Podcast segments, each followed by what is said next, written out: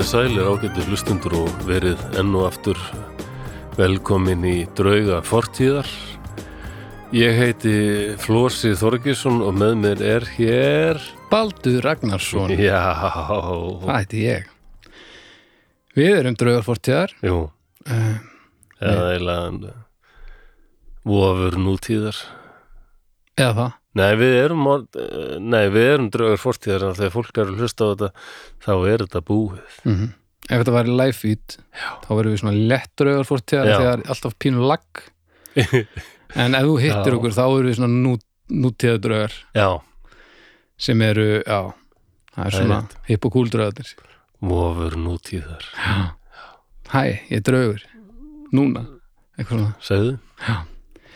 Eh, velkomin í hennan, hvað, númer hvað er þessi? Fimmti aukaþáttur, draugarfortíðar. Er það ekki Já, rétt? það getur passað. Býttu var ekki berfætti svo var það þarna, Nefkallin, þarna, í Nefkallinn var Villta þrjú. mjög já. Georg Stórnefur svo var, Eitthvað sem kemur á óvart. já, Hissa þáttur. já e, draugar forviða Draugar for... og svo var það hérna myrkir dagar Já, þannig að þetta er, þetta er já.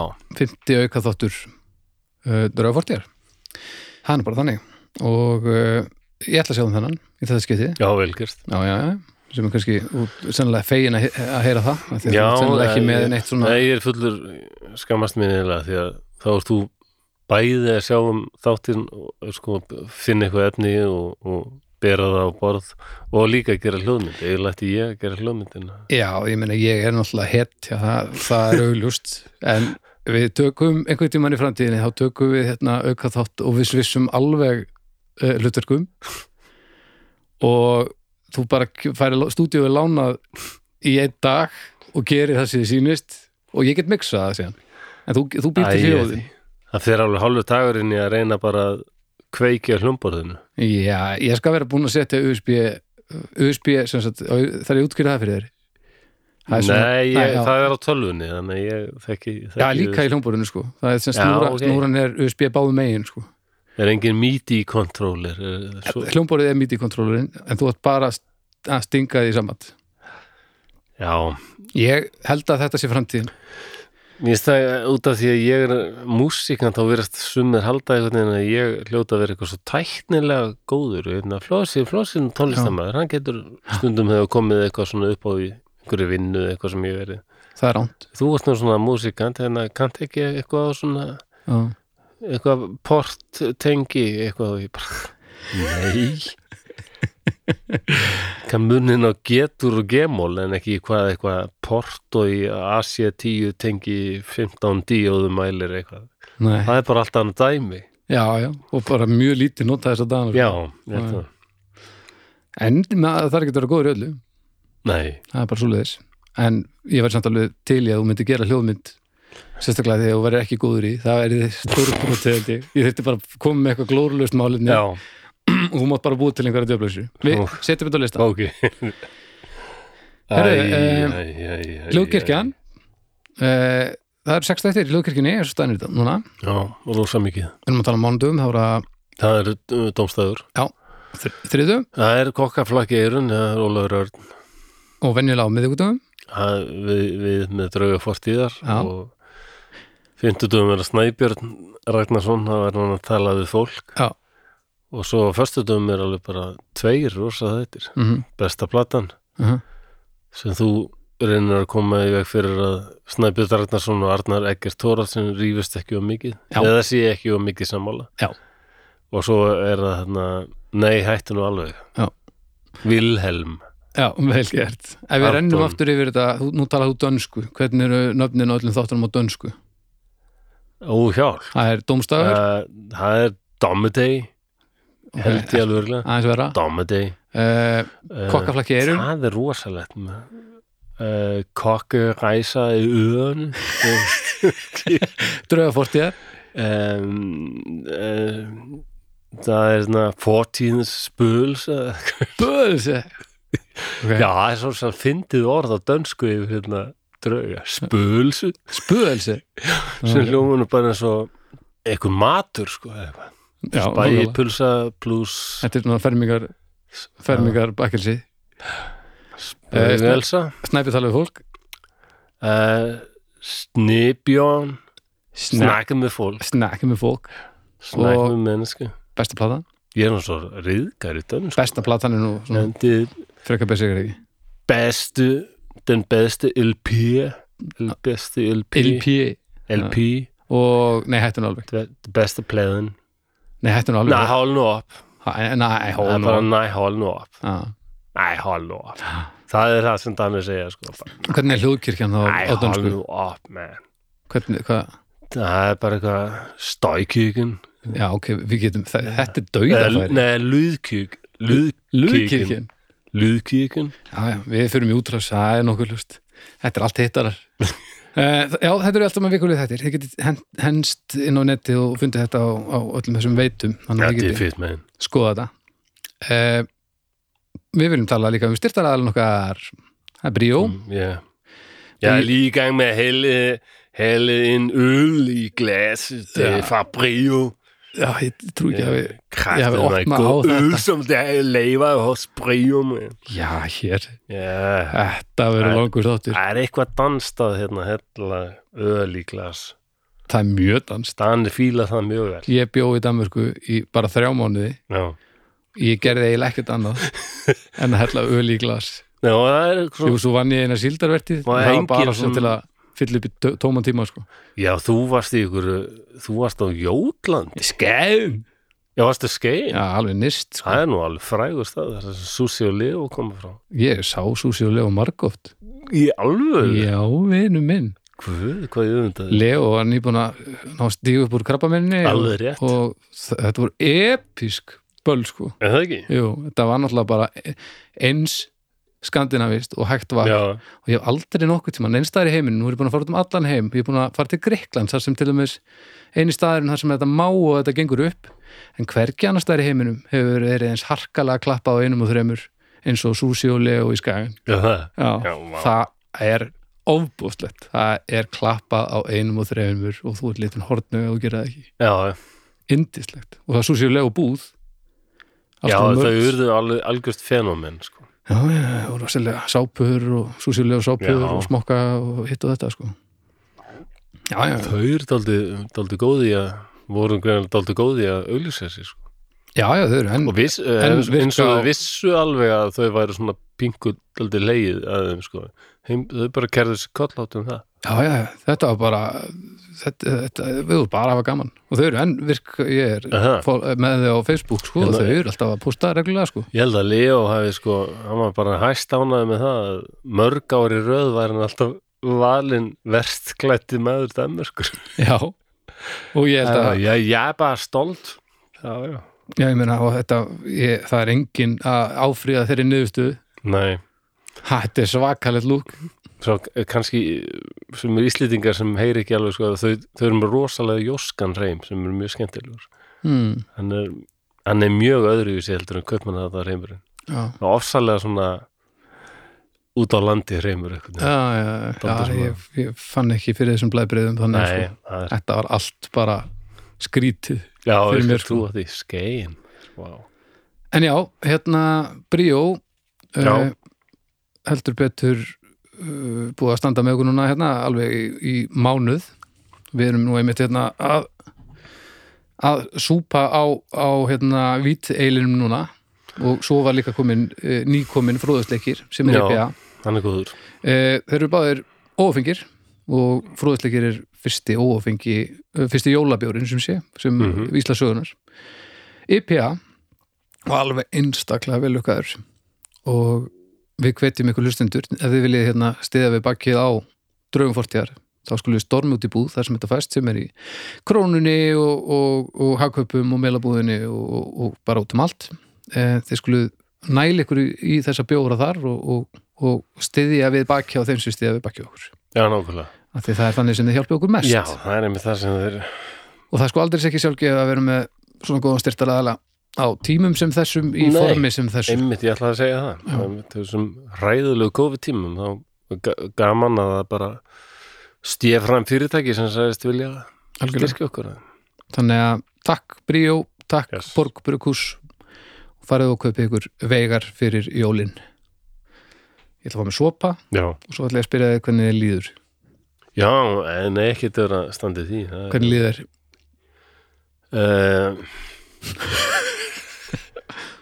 já, ég- jú, jú ég að, Allt í lagi?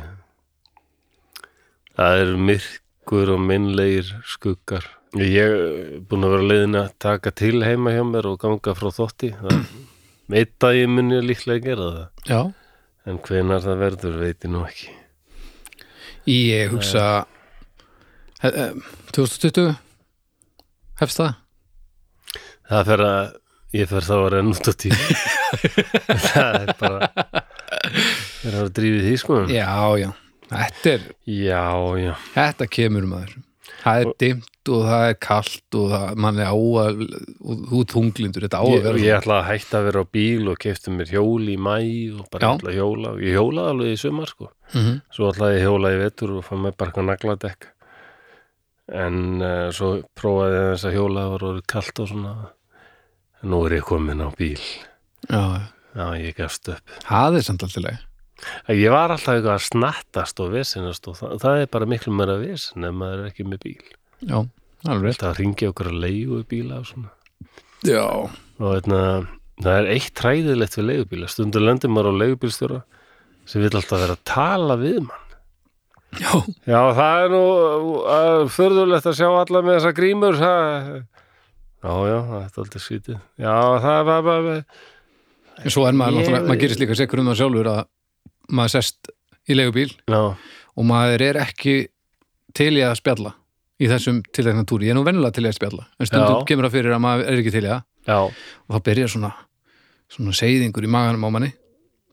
Maður svona byrjar svona að halda í sér svona og svo svona byrjar hann að breyðast út um allan skrokkin og svo einhvern veginn er maður að halda sinni og svo á endanum þá brýstu stíplum maður bara, já, já, ég er mikið að gera í kvöld er það? Alltaf, líður þér svona ég endar alltaf með því að ég spyr já, er, bara, er, bara- er, er mikið í bænum?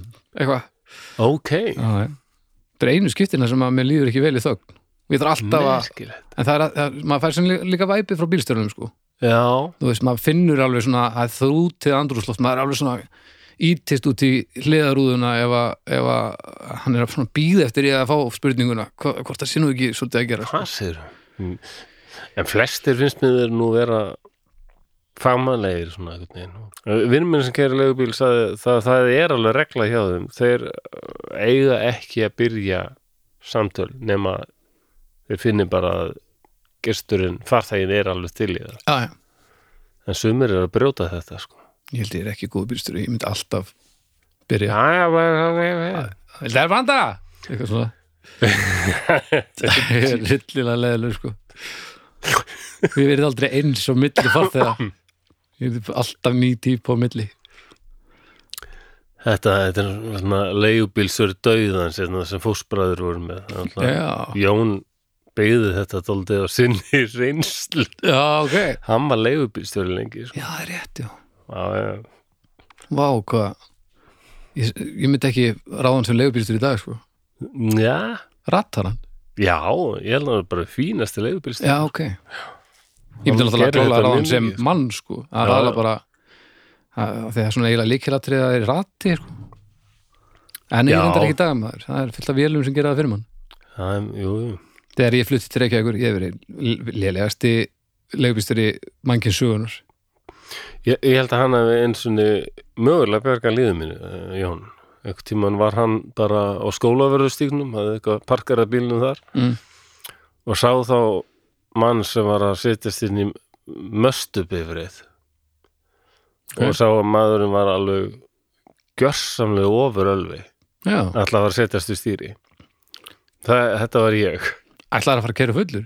Alveg sjóðandi fullur sko. aha, já, já. Það er úr karakter Ég man eftir þessu, ég man bara eitthvað, jú, ég Ég búin að drekka sem þess, ekkert. ég ætla að fara í kópóin og, hitta þar stelpur sem ég þekkti, sko, kíkja Já. hana. Þetta var verið lungu síðan. já, ég þekkti því sennilega ekki á þessum tíma Nei, nei, þetta Mm. var rúglega 8, 10 og 9, eitthvað, ég veit ekki. Já, ég held ég, við hefðum ekki átt mikið sammeilegt þannig. Nei, Ég hefði þólað miklu minnið þú allavega. og hérna, en hann, hann allavega bara, hei, losi, hvað að gera? Það er ekki fara að keira. Jó, ég er ekkert búin að drekka mikið, ég er bara að keira og hann bara, nei, nei, heyrðu, hvað er þetta að fara? Ég er að fara í kópóðin, ég keiriði bara. Vel Hann keiriði mig bara og ég reyndi að banka þarna á ykkur dýr Ó og hérna kom engin til dýra, já, engin heima, að hann keiriði mig aftur í bæinn bara. En svo sagði hann frá þessu setna, sko. mm. Og hérna, manstu eftir þessu, ég, ég keiriði hérna í kópum, já, ég man eftir þessu, sko. Já, ég var, var nú kannski búin að fá mér og mikið til að keira og hann bara sagði, ég meina, í alvöru, er þetta grínast? Það er Bara, þú gast alltaf hann, sko. Ég þú þarna. hefði bara keirt út af hérna Ég keirt á eða eitthvað, sko. Ég Ég finnst feini, þetta aldrei sjokkerandi þegar ég er rosalega fein að hafa ekki þekkt þarna því að ég hefði líka verið svo miskunnuleg sko. Já, Ég er hingja löguna bara alveg sama sko. það á að gera það. Alg, já, en ég, bara, ég hef ekki ég er svo litla þólmaði fyrir svona. Já, já, og það, mér finnst það bara alveg hárið. Ef þú, þú vilt drepa þig hægt með drikju bara allt í góðu. Ég læði en alveg vita að mér einhver finnst það leiðilegt og vond hugmynd. En þú verður að fara á þessu á endanum.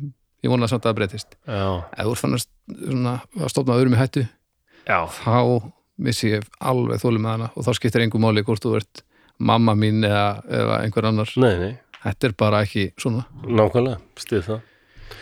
En já, hvað vorum við að blæðra hérna? Herri já, ég maður Ég ekki veit ekki hvernig hún komast í, út af þessar slóðir. Nei, ég spurði bara eitthvað hvernig þið liði og, og, og leifbílstjórar og eitthvað en, Já, ég var komin á bíl, alveg já, já, já, já. Nenni ekki að taka leigubíl. Já, það var það. Mm Ég, jú, mér líður ágætlega. Það Það er bara, það er rosa mikið skamdegi og rosa löngu til að sofa mikið og minni framkvæmda orka eitthvað neginn. Og Styttist í að það fer að byrta sko það gerir þannig bara.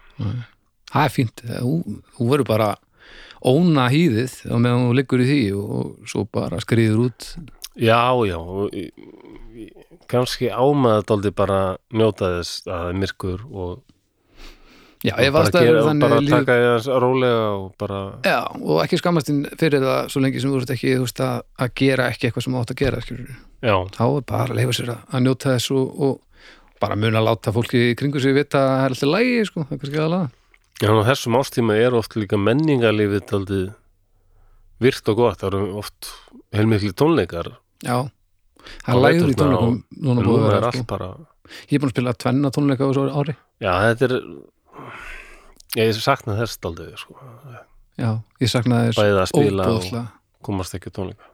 Ég saknaði þess bara að hitta hálfvitana já, ég skil, og bara gera ekkert þess vegna. Bara, voðal bara að drekka bjór og semja smá músík og, og hlæja að ógeðslega mikið. Þetta tekur enda, allt saman. Já, já, gerir það.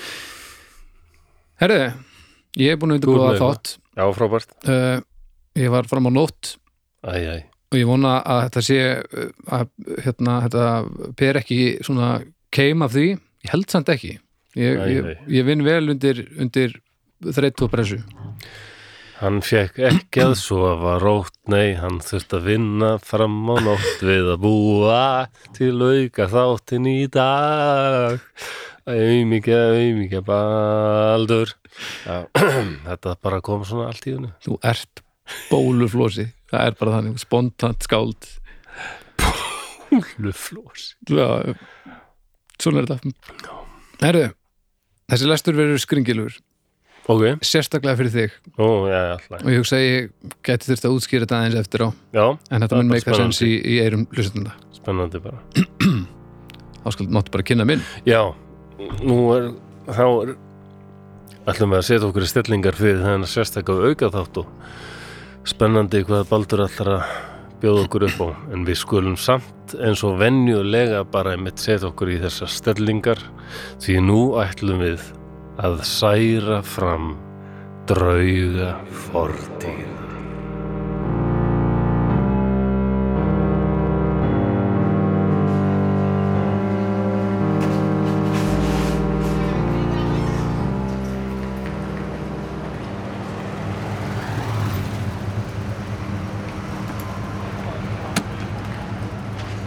Takk, takk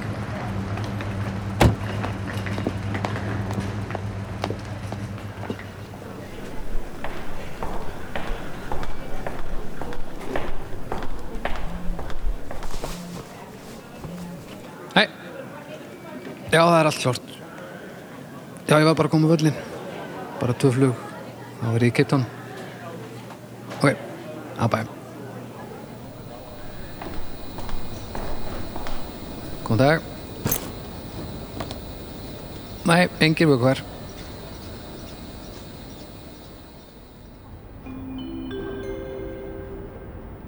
Þá viljum við byggja þá sem eru á fyrsta farrými að ganga um bóð.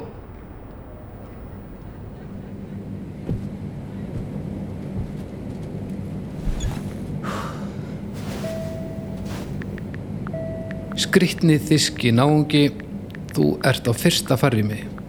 Það er 2014, kuftu þér svitaliktareiði. Innra rand á meðan ég andað mér svitalikt. Guði sér lof fyrir lif.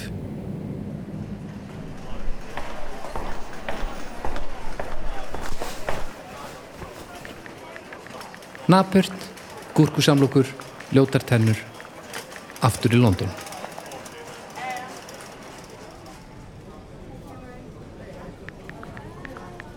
Á leiðinni til Afríku. Vona að ég fá ekki alnæmi. Djók, ég er hvít.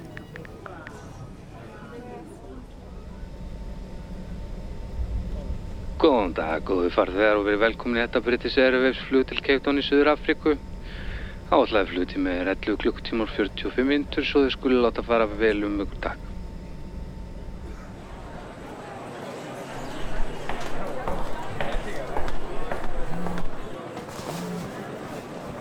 finnst hræðilegt að fylgjast með þessu ger. Ringdu strax. Hæ, Hanna, hvað sé... Hæ? Bítu, bítu, bítu, hæ? Er er ég trending hvar? Twitter? Af hverju? Hva?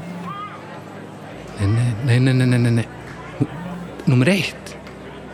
Nei, nei, nei, nei, nei, nei, nei, nei,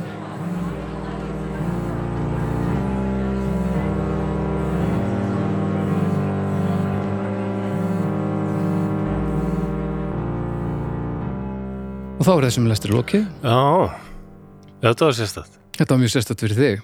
Minnst það klingi einhverju bjöllum hann að ég er að fara til Afríku og vona að ég fá ekki alnæmi, djóki ég hvít. Mm -hmm. Um, getur verið að það hefði verið einhver kona sem einmitt setti eitthvað svoleiðis á Twitter mhm. og það var allt brjálað. Eðlilega. Já, sko. Þetta verður, þetta er aftur svona svolítið þema þáttur svona, bínu. Já, Þannig að já flugvel, flug, þetta er alltaf einhver flug, dæmi. Nei, já, þetta, þetta var ein saga, sko. Það sem þú heyrðir sem að var ógeðslega skrítið eh, var ferðalega þessar konu sem að þú kannast þið. Nú, e- já, ég held að Um, þetta væri kannski bara tweet eða Já, brot hérðan. Þetta- þetta er þessi ákveðna kona. Þetta er þessi ákveðna kona.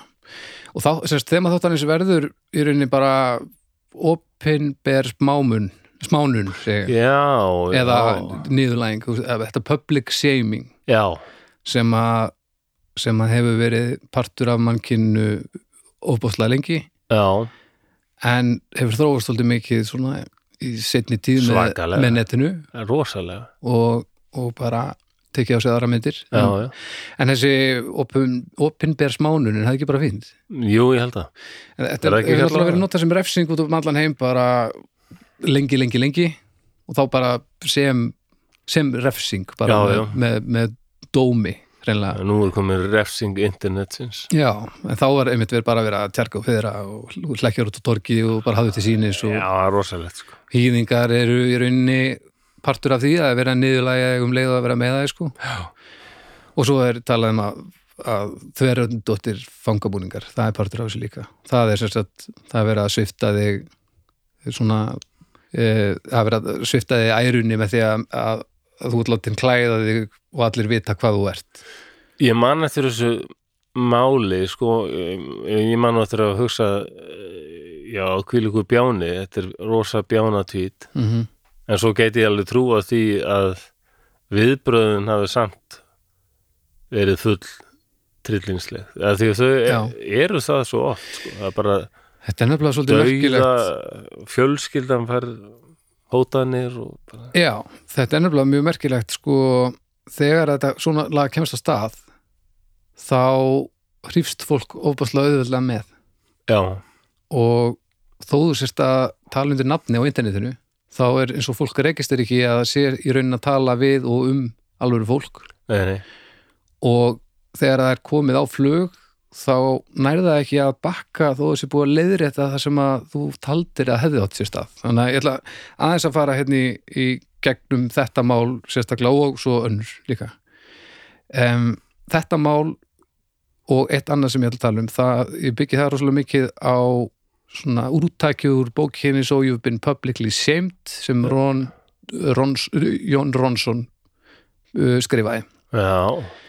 Sem, bara um þetta og hann fer og hittir þessa konu mjög skömmu eftir uh, að þetta á sér allt saman staða já, og fleiri og er bara að skoða þetta, já. Bara opinbera smánun á internetinu og, og víðar sko. mm um, þessi kona, Justin Sacco hún er á þessum tíma 30 ára gömul.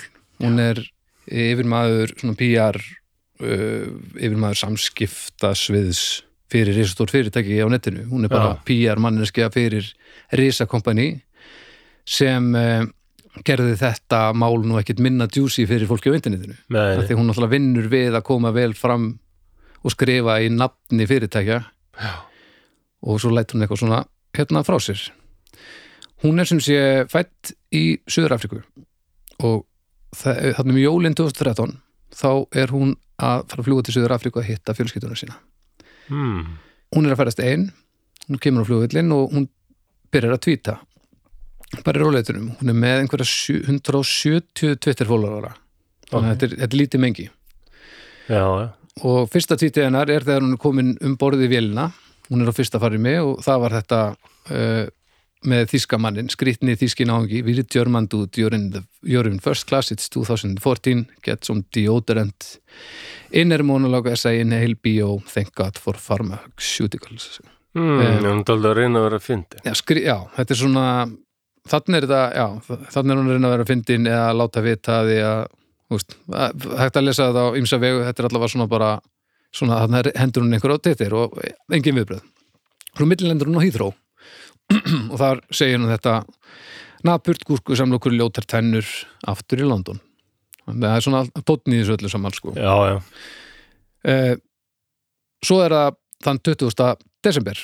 Það er rétt áður hún leggur í hennar síðasta legg einhverjum hálftíma áður hún fyrir til vél þá uh, tvítar hún þessu, þessu umrætta tvíti Going to Africa, hope I don't get AIDS just kidding, I'm white.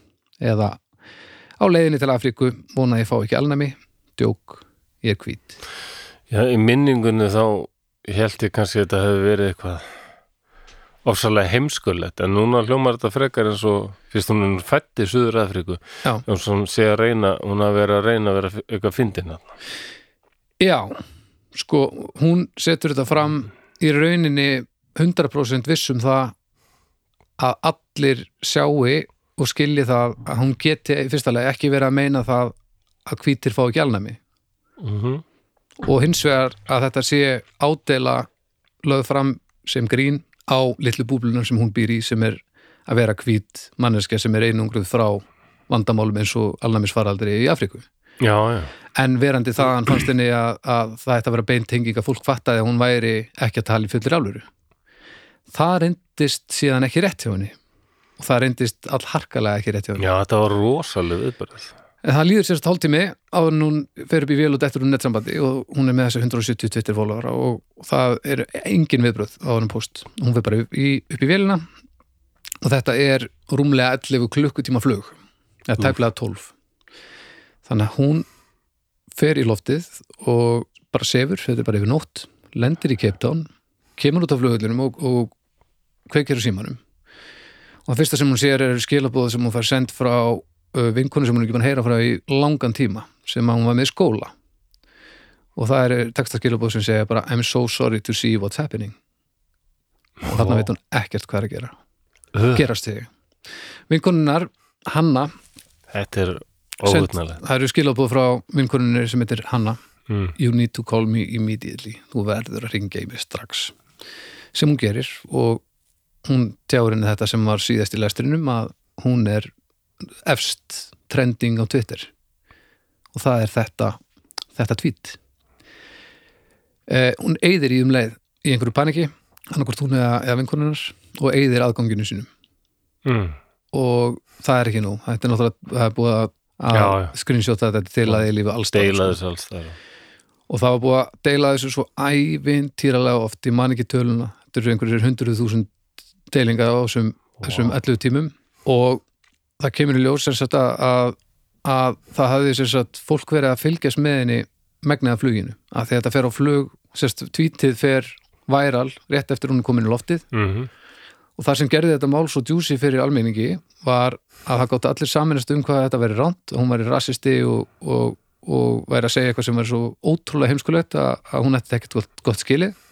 Þau vissu í mið, miðbygg flugsins þá búið að rekka hana úr vinnunni. Wow. hún veit það ekki.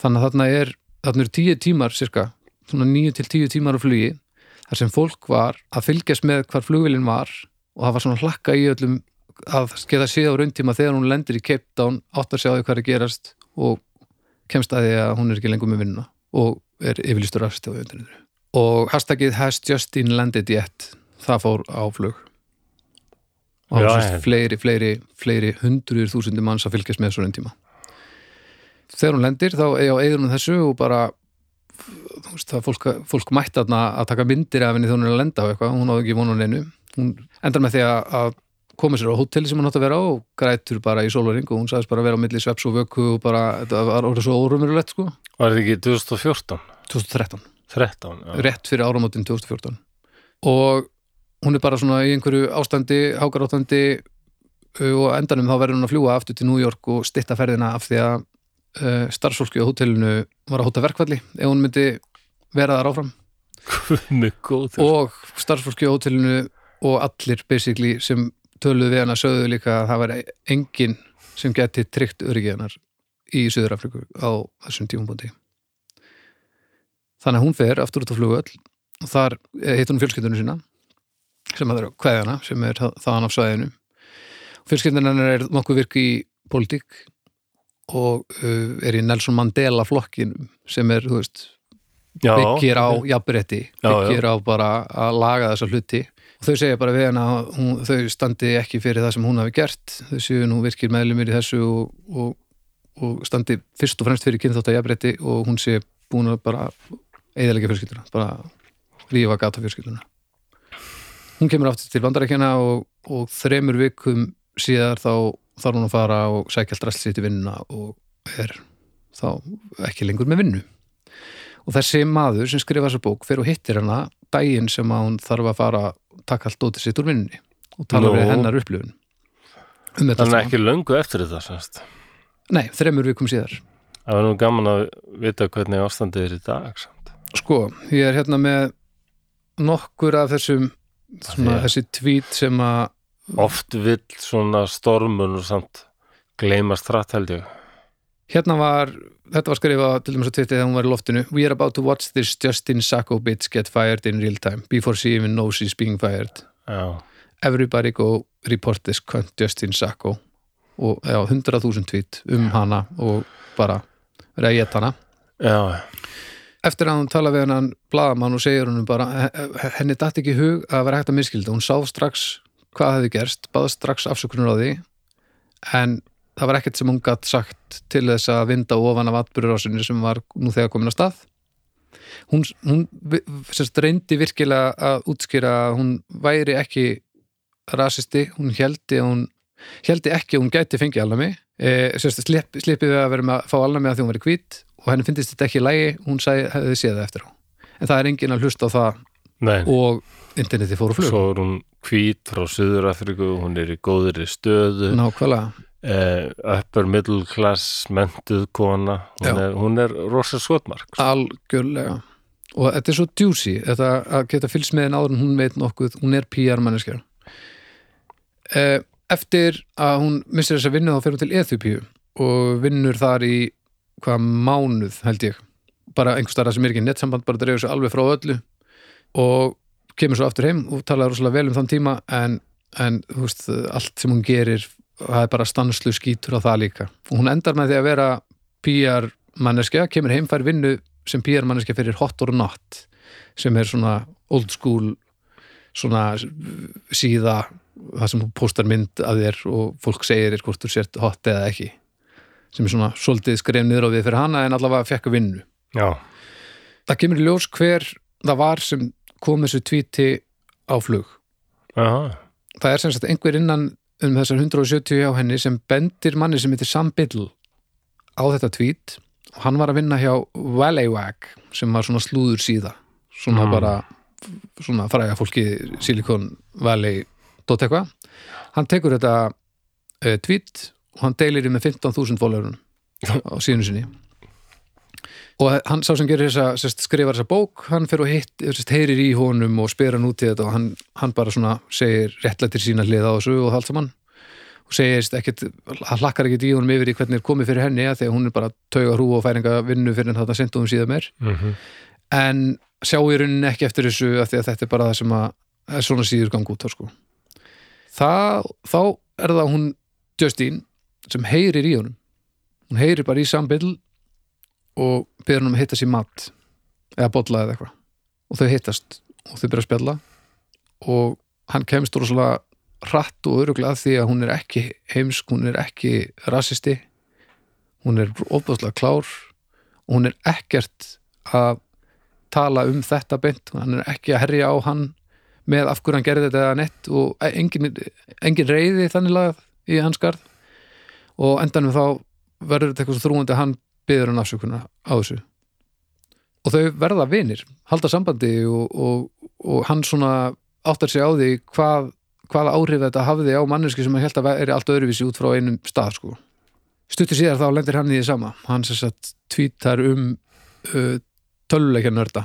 Það er sagt verið að tvíta um svona social justice warriors svona fólk sem að er að passa að tölvuleikir séu réttir, það má ekki veist, gera þetta í tölvuleikjum, þetta Mm. er að planta þessu í hausinu fólki. Og hann skrifar sem sagt í eh, kaltænist tón að, já, einmitt með tölvu nörda það þarf einmitt að, að niðurlæga þá og berja þá niður til að halda þeim niðri. Og svo bætir hann við í endan eftir á bring back bullying. Hann gefur sér það að allir skilja að þetta sé kaltæni, það er að sama fólk fattar það ekki, fólk stimplar hann sem bara bully. Og það var hundruðir e-maila á þetta kompani sem er að vinna hjá og hann lendir í þessu nákvæmlega sama. Og þá setur Justine sér í sambandi við hann og segir bara það sem þú gerir núna er að gera ekki neitt. Þú getur ekkert gert það meðan, meðan heimurinn rýfur raskat það sjálfan sig í kringu þig þá þarf þú bara að þegja, ekki beðast afsökunar ekki segja neitt, allt sem þú segir verður tekið úr samingi mm. nú þarf þú bara að býða þetta rugl af þér. Já, það er líklega besta aðfyrin hún segir það, að, að, veist, hún var öll að vilja gera það, hún var með ástæðan og afsökunin og allt saman en þetta, ekkert af þessu registeraði sko. Nei, og ég var að skoða þetta bara núna í gær fór ég að skoða þetta hérna hashtag. Fólk er Já. ennþá að rifja þetta upp núna á Twitter í gær. Jálfur sem besta dag Twitters frá upphafi. Mm. og það, hún er sagt ekki hún er á þokkalega góðum staði í dag og, og svona merkileg kona og gaman að heyra hennan Jón skrifa skrifa um hana, hennan Ronsson en þetta hefur verið ansi, þetta var ansi harkalegt sko. Og þú getur það skiptur engum máli hvað þú gerir. Ef einhver googlar þig, þá er þetta það fyrsta sem kemur upp. Ef þú ert að segja um vinnu ef þú ert að reyna að byrja að deyta það skiptur engum máli hvað þú gerir. Þetta er alltaf það fyrsta sem kemur já Með fylgin er all, all, allæfi Já, Já. Væntalega uh, þessi, en þessi maður sem að deildi upprunna tvítinu, hann skrifaði síðan langa grein um það uh, af hverju hann væri búin að taka hann í sátt og af hverju hann hafði gert rángan hlut.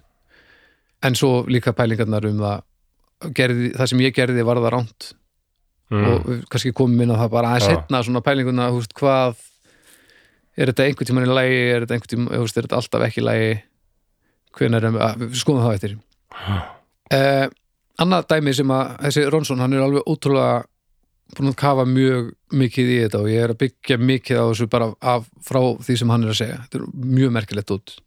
Það er til dæmis uh, kona þar sem uh, lendir í lestaslýs í Fíladelfíu uh, það er áttamann sem deyja í lestaslýsinu og 200 eru laðir inn á sjúkrás og hún skriður út úr flakkinu og tvítar Thanks a lot for derailing my train. Can I please get my violin back from the second car of the train?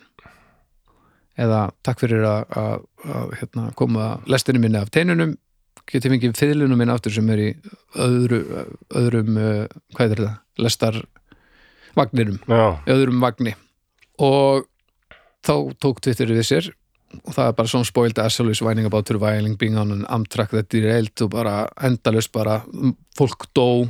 Ert þú að byggja um þina meðan, úst, far, viltu ekki bara fara inn í þessa lest og finna fylgna undir brennandi líkum og þessar, þessi tvít allir saman já, aftur þetta er- er heimskulega tvít kannski en viðbröðin eru svo trill Já, viðbröðin sko, þarna til dæmis er það sem gerist sko að að hún lendir í slisi Já, hún lendir í kannski bara lestarslýsi. einhverju sjokki bara. er í einhverju sjokki og tvítar þessu vissulega, kannski van hugsað að einhverju leiti en þar sem að það voru aðrir sem dóu í sama lestarslýsi þá er það að hafa lendi í lestarslýsi í raun orðið forréttindastaða sem fólk er svo órakt við að benda henni á að hún, hún sé að hún sé svo hefna skilur Já, fyrir að lenda bara í lestarslýsi og, og þetta er bara það sama og, og ég glemdi nú að minnast á það með Justin, þetta er a- alltaf það sama ég bara. uh, veit hvað þú teima uh, fólk að elta þig, paparazziar þetta er bara stanslaust fucking áriti og færð ekki séns. Lukas er víða. Lukas er við það sko eitt en uh, erlend mál frá honum Ronsson sem að mér fannst bara svo áhugavert. Það er um hann Jonah Lehrer. Sem sagt, Jonah Lehrer hann er í 200 blaðamæður og árið 2012 er hann 31 og svo hann er að gefa út nýja bók. Mm. og það er blaðamæður sem að ákveður lesa bókina svo bara ætlar að skrifa um hana. Og þessi blaðamæður er tölverur Bob Dylan aðdáðandi Mm. Og mjög snemma í bókinni þá er verið að vitna í Bob Dylan þar sem hann er eitthvað að tala um sagt, upplifin sína og að lesa um sig í rittum annar eða eitthvað. Og á að hafa sagt eitthvað svona I'm glad I'm not him I'm glad I'm not this, eitthvað svo leiðis og þessi blaðamaður horfir á þetta bara hmm, hvernig sagði Dylan þetta? Og svona með við tíman sem átt að hafa tek, þetta vittalega átt að vera tek, tekið þá var Dylan bara drulli við alla tónin var bara ekki réttur eitthvað, hann fyrir eitthvað að skoða þetta. Og finnur þetta hverki Mm. og hann heyri bara í þessum blaðamannu og bara uh, spyr að rithöfundunum og spyr hann bara, heyrðu hérna ég finn ekki neitt um þetta Dylan kvót hérna, uh, getur eitthvað aðstofað mig? Og hann á endanum segir að hann hafi fengið sérst aðstóð frá nokkrum að, frá einum umbóðsmanni uh, Dylans. Mm. hann hefur samband við eina umbóðsmann Bob Dylans Mhm. og hann segist aldrei hafa að tala við þennan rithöfund. Já, og hann segir það við rithöfundin bara þetta er, þetta er ekki rétt. Þá fer hann eitthvað að þræta fyrir það að einhverjur af, af hérna, auk, sest, hjálpar starfsmönnum þessa umbóðsmanns hafi nú eitthvað aðstóðan en hann var ekki með ne neitt svo leiðis fólk. Já, já. og það er þar sem hann byrjar að, að grátbyða hann um að byrta þetta ekki. Hann sérst reynir að ljúga að, ljúga að honum að, að þetta sé í alvörunni eins lengi og hann getur og þegar það Mm. brestur þá fyrir hann að byggja hann um að gera þetta ekki public um, og umbóðsmaður þessar rithöfundar heyrir í blaðamannin sem er að fara að skrifa greina og spyr hann bara reynd út er þetta nógu stór frétt til þess að þú sérst reyðubúin að eigðalega líf uh, þessa manns Mm. hann kemst þess að staði að hann þe- þetta er ekki Bob Dylan quote og hann, hann uh, endur nýtti sitt eigið gamla efni á þess að, að segja frá því sem er banna líka, það er svona eigin rittstuldur í Mm. rauninni. Og og skáldar kvót, já, fyrir eins og teller, hérna, er það ekki teller sem er þögull? Jú, það telur Já, hann, hann, hann er svona að leggja eh, fólki orði í munn í einhverjum kvótum í þessum bókum sem að eru bara ekki til. Já, og hann ákveður að, að setja þetta í loftið hann bara skrifar greinum þetta og það fer allt gjörsan á hliðina og það er bara búið að kippa öllum trúveruleika undan þessum, þessum rittuðundi eðlilega og Mhm. eldri verk voru skoðuð og það reyndist vera meira af vafasumu dóti já, já. og endanum þá hérna gengst hann við því að hann hafi hann vildi meina að hann væri svona rúm að þetta hefði kannski ekki beint verið að ljúga sko, heldur hann hefði svona neitað að ritskoða sig eða svona forðast að ritskoða sig en þetta væri samt alveg, hann hefði samt í rauninni tekið ákvörðunum um að gera þetta. Mm. það verður allt villust náttúrulega bara. Á endanum er hann samt búið að koma og tala á einhverju, einhverju ráðstefnu um trúveruleika í, í, í riti og, og eitthvað svoleiðis. Og þar mætir hann og hann ætlar að bara að, segja, komið afsökunarbeðni hann er bara búin að skrifa ræðu sem hann leifir þessum Ronsonum að lesa fyrirfram. Mm. það er bara löng afsökunar ræða þar sem hann ætlar að beðast afsökunar á því að hafa gert þetta allt saman. Hann mætir á svæði og er sagt stríma live. Mm. nema hvað, að annarkvort er það nævismi þeirra sem stóðu að þessari samkomu eða að, ég held að hljóta vera það svona frekar en nokkuð annað þá er risastórt tjald fyrir aftanan með live Twitter feedi. Og svo er skjár fyrir framannan meðan hann er að lesa þessa ræðu með því sama hann byrjar ræðuna óbúslega stert segir bara, ég er búin að bregðast fjölskyldur mín, ég er búin að bregðast vinnufélögum, ég er búin að bregðast öllum og bara, ég hefði ekki átt að gera þetta. Og þetta, þetta er fáránlegt og ég bara bygg ykkur öll innilega afsökunar. Og Twitter segir bara svona bara maður sér fyrir aftan bara svona byggðist maður afsökunar þarna, maður bara dreifur allt upp á yfirborðum maður, maður segir að maður sé sorry. Svo breytir hann aðeins um tón og hann fer að líka sér við svona forensic fólk hjá FBI og fer svona að setja sig innan þessar aðstæðna þá sé þetta eins og þetta og fer að tala svona svolítið eins og þegar að fólk tók hann trúverðuðan sem rithöfund fer að tala þannig til fólks með einhver svona bóðskap Twitter bilast. Það. Og þannig maður sem sagt, að reyna að halda einhverjum þræði í beinni á netinu með skjá fyrir aftan sig þar sem Twitter er að gjörsanlega geta hann hann sér það líka með hann. Já, þetta er svo, þetta er svo ævintýrlegar aðstæður. Hann sér núna bara hvað, hvað, þetta, hvað þessi ræða er vondugmynd hvað fólk er ekki að kaupa þetta. Já var það samt í byrjun? Að vara samt í byrjun og svo sjá allir randið á rauntíma og meðan þeir eru að hlusta og hann reyna að beða stafsökunar Já, hérna. Þetta er svo ótrúlega skrítin Þetta er blanda af þessu public shaming dæmi sko. Já, það er aðstæður sem að hafa að mér vitandi bara aldrei komið upp. Hérna og Ronsson talaði við hann eftir þetta og hann var bara gjössanlega eðilegur, bara, þetta var bara einn versta hugmynd sem ég hef fengið og ég vildi ég hef ekki gert það. Og svo kom í ljós að hann tók 20.000 dólara fyrir að koma á þessa hátíð og Já, það var allt það- vittlust við Bætti, bætti ekki Nei, það var bara allt í steik. Og, og hans mál hafa í rauninni aldrei verið gerð upp þannig, Nei. veist, þetta verður aldrei fengið einhverja svona lendingu. En bara þessar aðstæður, þetta er bara, ég hef aldrei heyrt um Nei, okkur, ég var aldrei heyrt um rauntíma þetta? public shaming í einum ramma en samt sko varpað materialist á skjá í salnum þar sem þetta var, þetta var alveg ekki- sko. Hvenær gerist þetta? Bara- þetta var 2012 Já, já. þá vildi ég nú bara aðeins fara að kíkja svona það sem að það sem að vakti minn áhuga á þessu, ég fór að pæla í þessu sumar. Það var nú eiginlega bara af því að uh, mér að óvörum þá allt í hennu var ég tengdur svona máli. Nú, ég var basically bara já, stattur ég hvað í sumarbústað á Apavatni og svo allt hennu Er fyrir að sjá stóra, er stóra lottumáli? Já, svo ég Já. alltaf bara að sjá símanum mínum að alltaf fólk fara að drulli leikum við lottu eitthvað sem ég er búin að vera að vinna í 13 ára eitthvað og vissi ekki af hverju og, og hérna fór eitthvað að skoða þetta og þá hérna kom í ljós að, að hún Þórdís Björk Þorfinsdóttir eh, sem að var að leika hjá okkur í sumar hún sem sagt hérna hafði sett á Instagram eftir sýningu á, Kópaskeri og rétt. Þá setur hún í story jæja, þá erum við búin að koma á helvitis kópasker uh, og heldur svo áfram kerðum á kópasker og raufarhöfn bara til að geta krossað út á listanum mæli alls ekki með að koma engað bara alls, alls ekki gera það. Ég skoða þetta eitthvað og fannst eitthvað skrítið og, og bara þess maður geta að ég sérst, er ekkert búin að tala við hana fyrir hennar þátt þannig ég, ég er bara að tala frá mí- mínu sjónaröfni Mm og ég svona fór eitthvað að skoða þetta og, og, fannst þetta eitthvað skrítið og sá síðan strax í saminguna því að undan voruð að borða þar og það var eitthvað hérna, voða góðu matur eitthvað og ég sá strax að þetta væri greinlega brandari sko. Og þetta snúst um veðrið um, sem skilaði þessi bara alls ekki. Nei, og það, já, mér fannst þetta vera bara svona eða frekar svona smávægilegt klunn.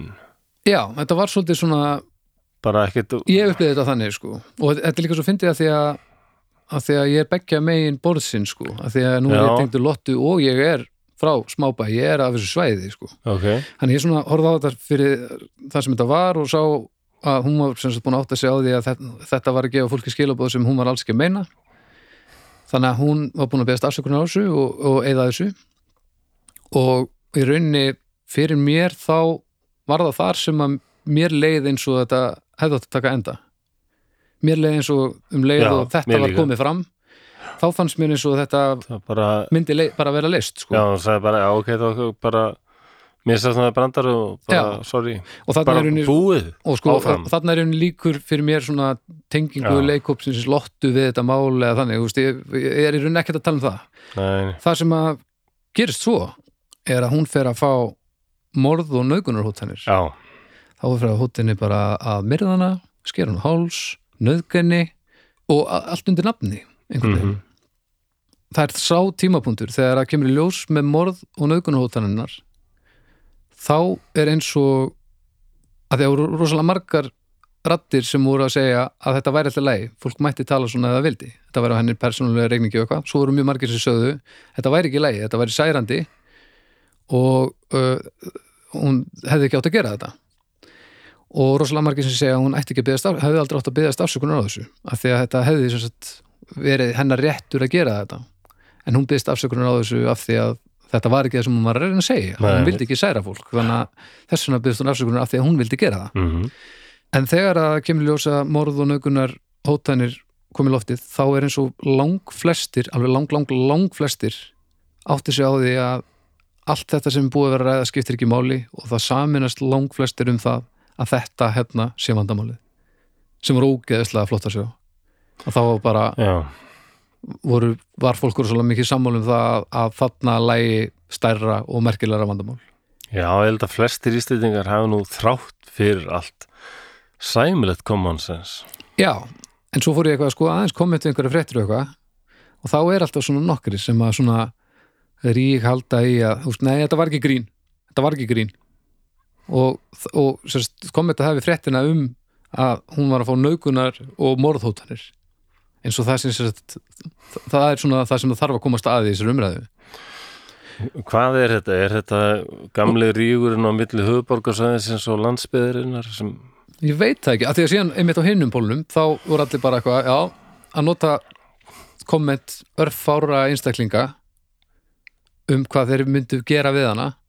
Nota það sem svona staðfestingu á að það sem að hún var að, sem hún var ekki að segja, að því hún var ekki að segja það, en að staðinu sé slæmur og maður er ekki að fara þangað, sem er alls ekki það sem hún vildi heldur sko, það gef ég mér, ég er ekki búin að tala við hann um þetta en það, svona fólk var einhvern veginn að rífa í nota þetta allt saman til þess að svona styðja sinn, sína krossför sko. mm og það var svo surrealist að því ég var allan tíman bara á apavatni í bústað sko. bara Já. fylgdist með þessu bara gerast og þetta bara mataði sjálft sig af einhverju störlun tvær fylkingar og það var ekki sens að Já, nú var þetta svona hefi en Pétur Jóhann er ekki bara allir búin að gleyma honum? Ég sko, það, það er líka þegar hann var að herma eftir hérna a- asískri vendiskonu. Já, hann bara bara safsökunar og ég bara heyri ekki neitt tala um það lengur frem. nei, það er rétt og, og það er mjög merkilegt þetta líka að þegar að karlmaður eins og ritturundirinn, þú veist, þegar hann drullar svona bak, þá er vegið að svona ger krafa að, að skemma karlmennsku hans sem er þá að svifta hann vinnunni eða titlinum eða eitthvað. Mhm. og af því að það er ekki veist, fordæmi fyrir því bara í menningu hjá okkur að, að karlmennu sem nöðgað Mhm. en ef að þegar hún gerir þetta segir Lilian Brandar og byrst afsökunar strax á því þegar hún fattar nöðgunar hótanir nöðgunarhóttarir, þá er farið beint í það. Bara að ræna henni ræna henni sjálfstæðinu já, það er rosalega munur á því hvernig þetta er nálgast út frá kynnum sko. já, ég, þetta er það í hug sko. alveg rosalegur og eh, sko ég man eftir því að þegar Gunnar, heitir hann ekki Gunnar? Æ, hvað heitir hann þessi skrýtni hérna? Frá, að hérna frá Sauðakróki sem var sérstakki gurinn hérna sem var í framsótt uh, ofsalega bustaklippingu, gleru já, ég man já, já, alltaf já, já. Jú, Gunn, celebrities og stjórnmálum en ég bara nennis ekki sko. já, nei, nei er Gunnar eitthvað. Sveinsson eða eitthvað svo leis Gunnar já. Gunnar Breið Sveinsson. Sem hérna ætlaði að segja Kazakstan sagði Kakastan mér varst það alltaf að fyndið. Já, Ha, pínu svona bínan Berliner. Já, það var bara eitthvað hérna, hérna, það er Kaka- Ka- Kakastan það var bara fyndið. Já, bara sett. En, en hann skipaði einhverja stúlku aftur um hvít já, um íslensk bara forréttinda manneskja þannig séð á Vesturlöndum. Já. í einhverju utanríkismála nefndið eitthvað svo leiðis mm. ég man svona ólust eftir þessu sem hún tvítaði einhverju fór hérna til eitthvað langt í burt hvort það verið mala síðu eitthvað staðar. Já, og tvítar svo eitthvað sko er komin á þryggja klukkustunda langan fund hérna hjá einhverju international sem fulltrú í Ísland sko. Þryggja klukkustunda langan fund drepið mig, ekki, drepið mig eitthvað svona. Það voru sem sem sagði hvað er málið þetta, hún er fulltrú Íslands hún er einhverju svona utanengis Mm. nefnd og er hérna fulltrú Íslands á Örlendur grundu og hún er bara eitthvað og hvað er ömulegt þegar að vera þrjá fund þrjá klukkutíma. Mm. og það voru sumir nexlaður á því en ég heyrði svo ekkert meir um það. Ég þarf alveg að grafa þetta upp. Það, Sko, er, það er ekki, það er ekki seint að, að smána hana. Við skulum endilega bara að rífa þetta upp á yfirborðið og bara við erum svo skrítið þegar að en sko það er svo sumt bara þá farið snjóflóða stað en svo annað bara Já. það er rétt. En eins og með þetta þórtisardæmi þetta, þessi smábæðar fílingur, þú veist, ég er frá Húsavík. Já, ég veit alveg, ég skil að þetta gerist. Þú veist, ég, ég eitthvað- skil af hverju þetta fyrir að stað ég skil af hverju fólk sagt, ég skil af hverju fólk tók þetta nærri sér. Ég myndi ekki gera það. Nei, ég veit ekki hvort þetta er rétt að kalla þetta minnum matarkendi eða einhver rík hérna sem hefur alltaf verið. Já, rífi eða já, ef um leiður þannig að tala um hróka þá er eins og sko að, að, að höfuborgar stelpan sér dyrfist að tala svona um, um staðum Já, svona, eitthvað svoleiðis og ég skil það alveg upp á vissu marki en mér finnst samt alltaf, alltaf þegar eitthvað svona kemur upp á leið fer ég ásetningin, bara. Hvað var verið að reyna að segja? Hún er búin að útskýra það, hún var ekki að meina þetta. Og ef maður skoður þetta í heilsinni þá sér maður það greinilega.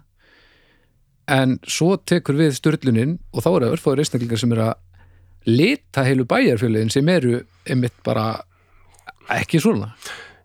Já, mér fannst þetta kjöruð tækifæri fyrir kópaskir og rauvarhöf til þess að fá alveg rosa samúð og bara já, frekar segja okkur veist voðalega leiðilt hún skulle segja þetta því við viljum taka vel á móti öllum og allir flikst á bak við kópaskir og rauvarhöf og bara það verður til eitthvað svona moment sko. fólk gleymir sér, Já. fólk fer fram úr sér Í staðinn þá fer maður að sjá bara er snar brjála fólk sem býr þarna sem sendir bara hótanir um líflót og nöðganir. Já, en svo, svo er mitt, og það eru öllur einstaklingar en, en reyðin sko sprettur upp í miklu fleiri einstaklingum og það er bara mannlegt eðli en það er svo erfitt þegar að þegar að þú ert með greiða leiða því að gera skoðun þína þegar þú ert hvað reyðastur rétt eftir opinbera fyrir alla Ég, ég man eftir einu kommenti samt, það, ég, það var eitthvað kona sem sagðist vera frá kaup, kaupaskir Já, og sagði, mig gruna nú að flestir sem hafa komið með þessar grófu hótanir búi bara alls ekkert á kaupaskir og rauvaröf. já Ég veit ekki hvort það er satt. En, Nei og svo líka er það eiginlega finnst mér ekki relevant af því að veist, þetta eru nokkrir einstaklingar og hvar sem þeir eru þá lita er ekki staðin heldur þeir eru bara svona þessir einstaklingar. Hafa Já, ekkert með staðin og, svona, en það sem mér fannst bara svo mér fannst bara svo sorglegt að sjá hvað fólk var reyðubúið að stökkva hratt á vagnin sko, já, það var bara ógeðslega skrítið. En um leið fannst mér ógeðslega flott þegar að, að lang, lang, lang flestir voru saman um það að bara þetta er ekki lagi. Um leið og þetta fór komið við borðið þá bara nei, nei, nei, nei, þetta er ekki lagi sko. Mjög svona merkilegt að fylgjast með þessu. Ég var bara við apavatn, ég sá bara allt í nú bara allt verða vittlust sko. sko. og, og, og ég tók ekki þátt í þessari sýningu þannig að ég var svona einhvern veginn ekki bein, beinni tengingu við þau og þekki hana lítið sem ekkert. Þetta var svo gall súrt að horfa upp á þetta Ég held að Lukas hafi kent okkur eitthvað þrátt fyrir allt ég trú ekki öðru já, sko, við komum nú að Lukasi skal ég segja, en ekki Nú. alveg strax já, já, Já, já. ok.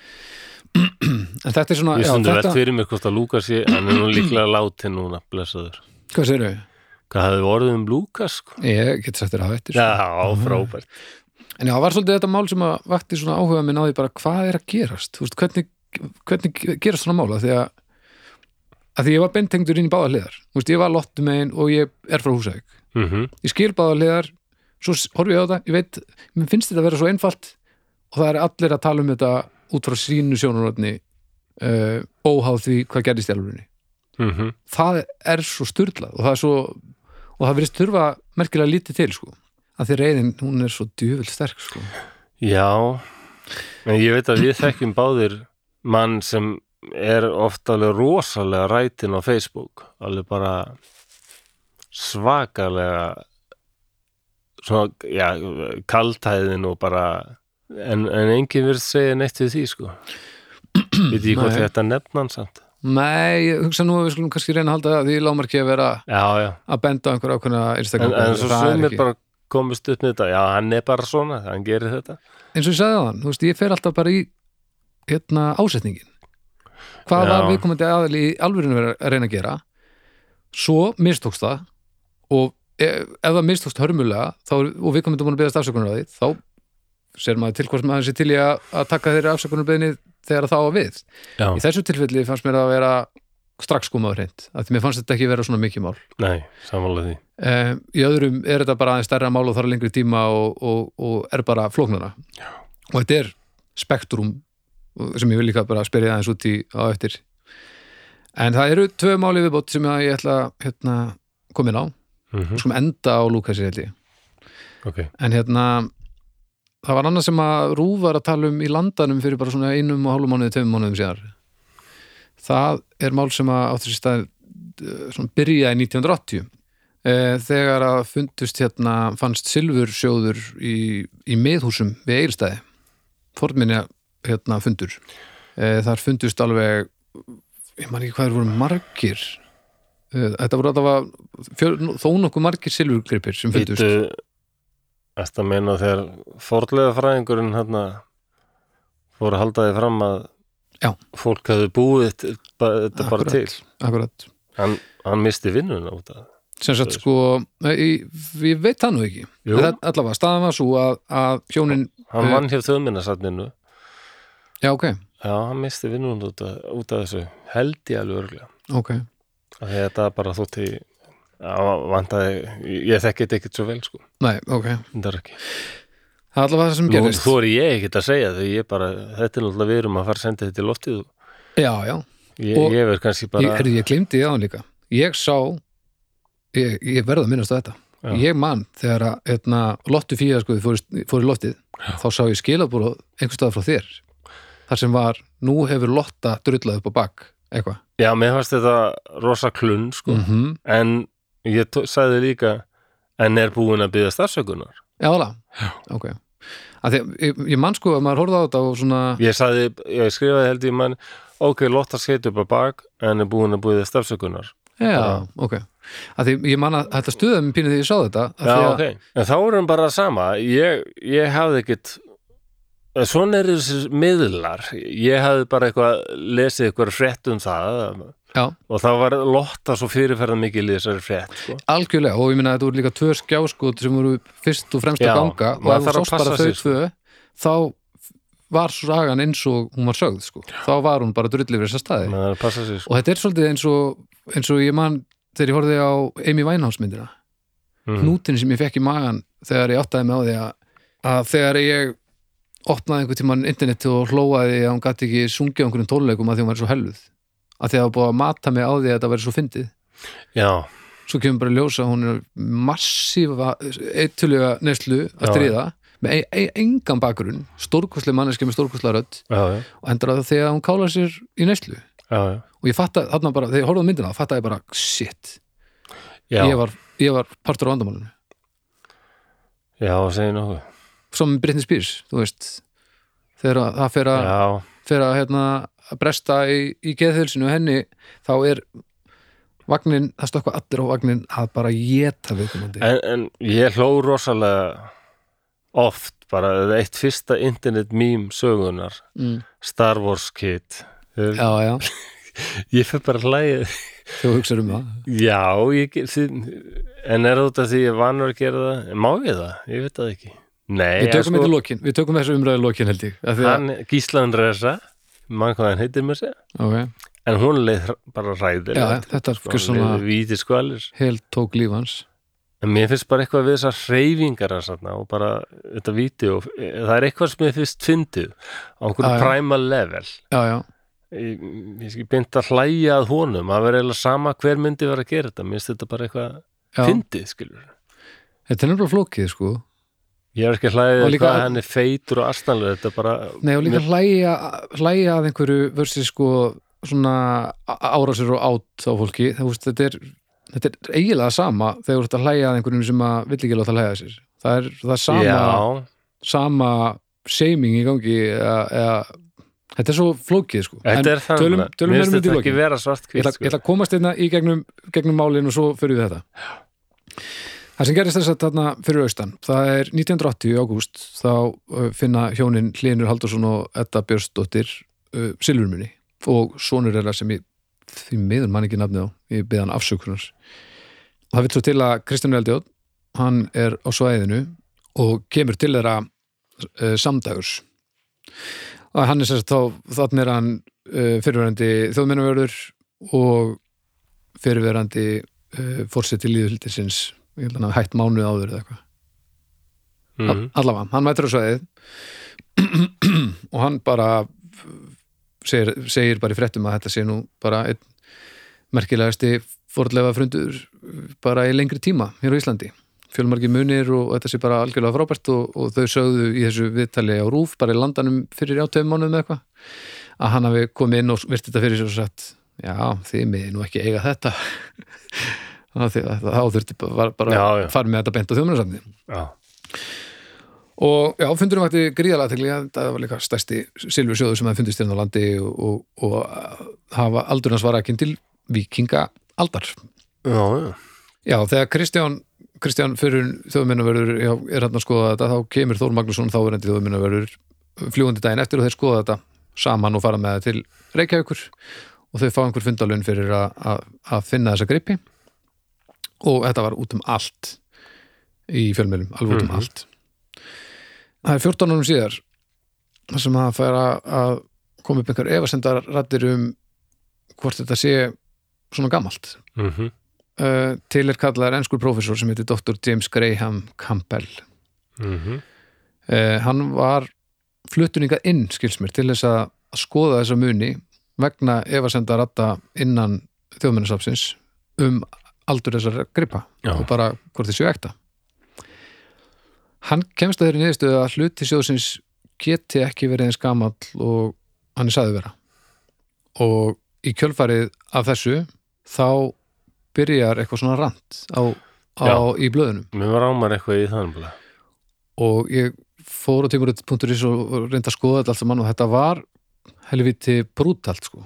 það var bara verið að að nýta í allar áttir og vera að saka þau hjóninum reynlega að því að þau voru í þessum business, svona skartgripa business að þau hafi bara búið munina til en eins og Já. hún segir í, í viðtalinu hvaðan þau hefðu átt að fá efnið eða, eða hvernig þau átt að gera þetta vissi hún ekki og hefðu aldrei skilið.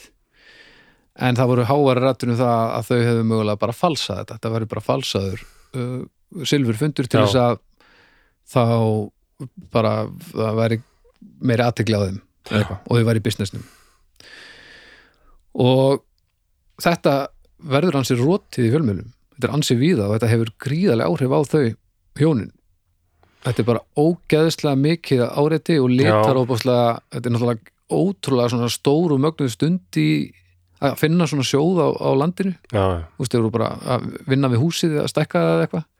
Og þetta litar það svo óbúðslega á endanum þá eru gripinir sendir til Danmerkur og þar koma sérfræðingar danska þjóðmennarsamtsins að því að, að silfrið er frá vikingaöld fyrir þann ellut uh, sem er einhver hringur þar sem að svona handbragðið hvernig hann var gerður það er ekki vitað að það veri að það hafi verið komið til sögunar uh, uh, á þeim tíma og það var, já, þessi eini hringur mm.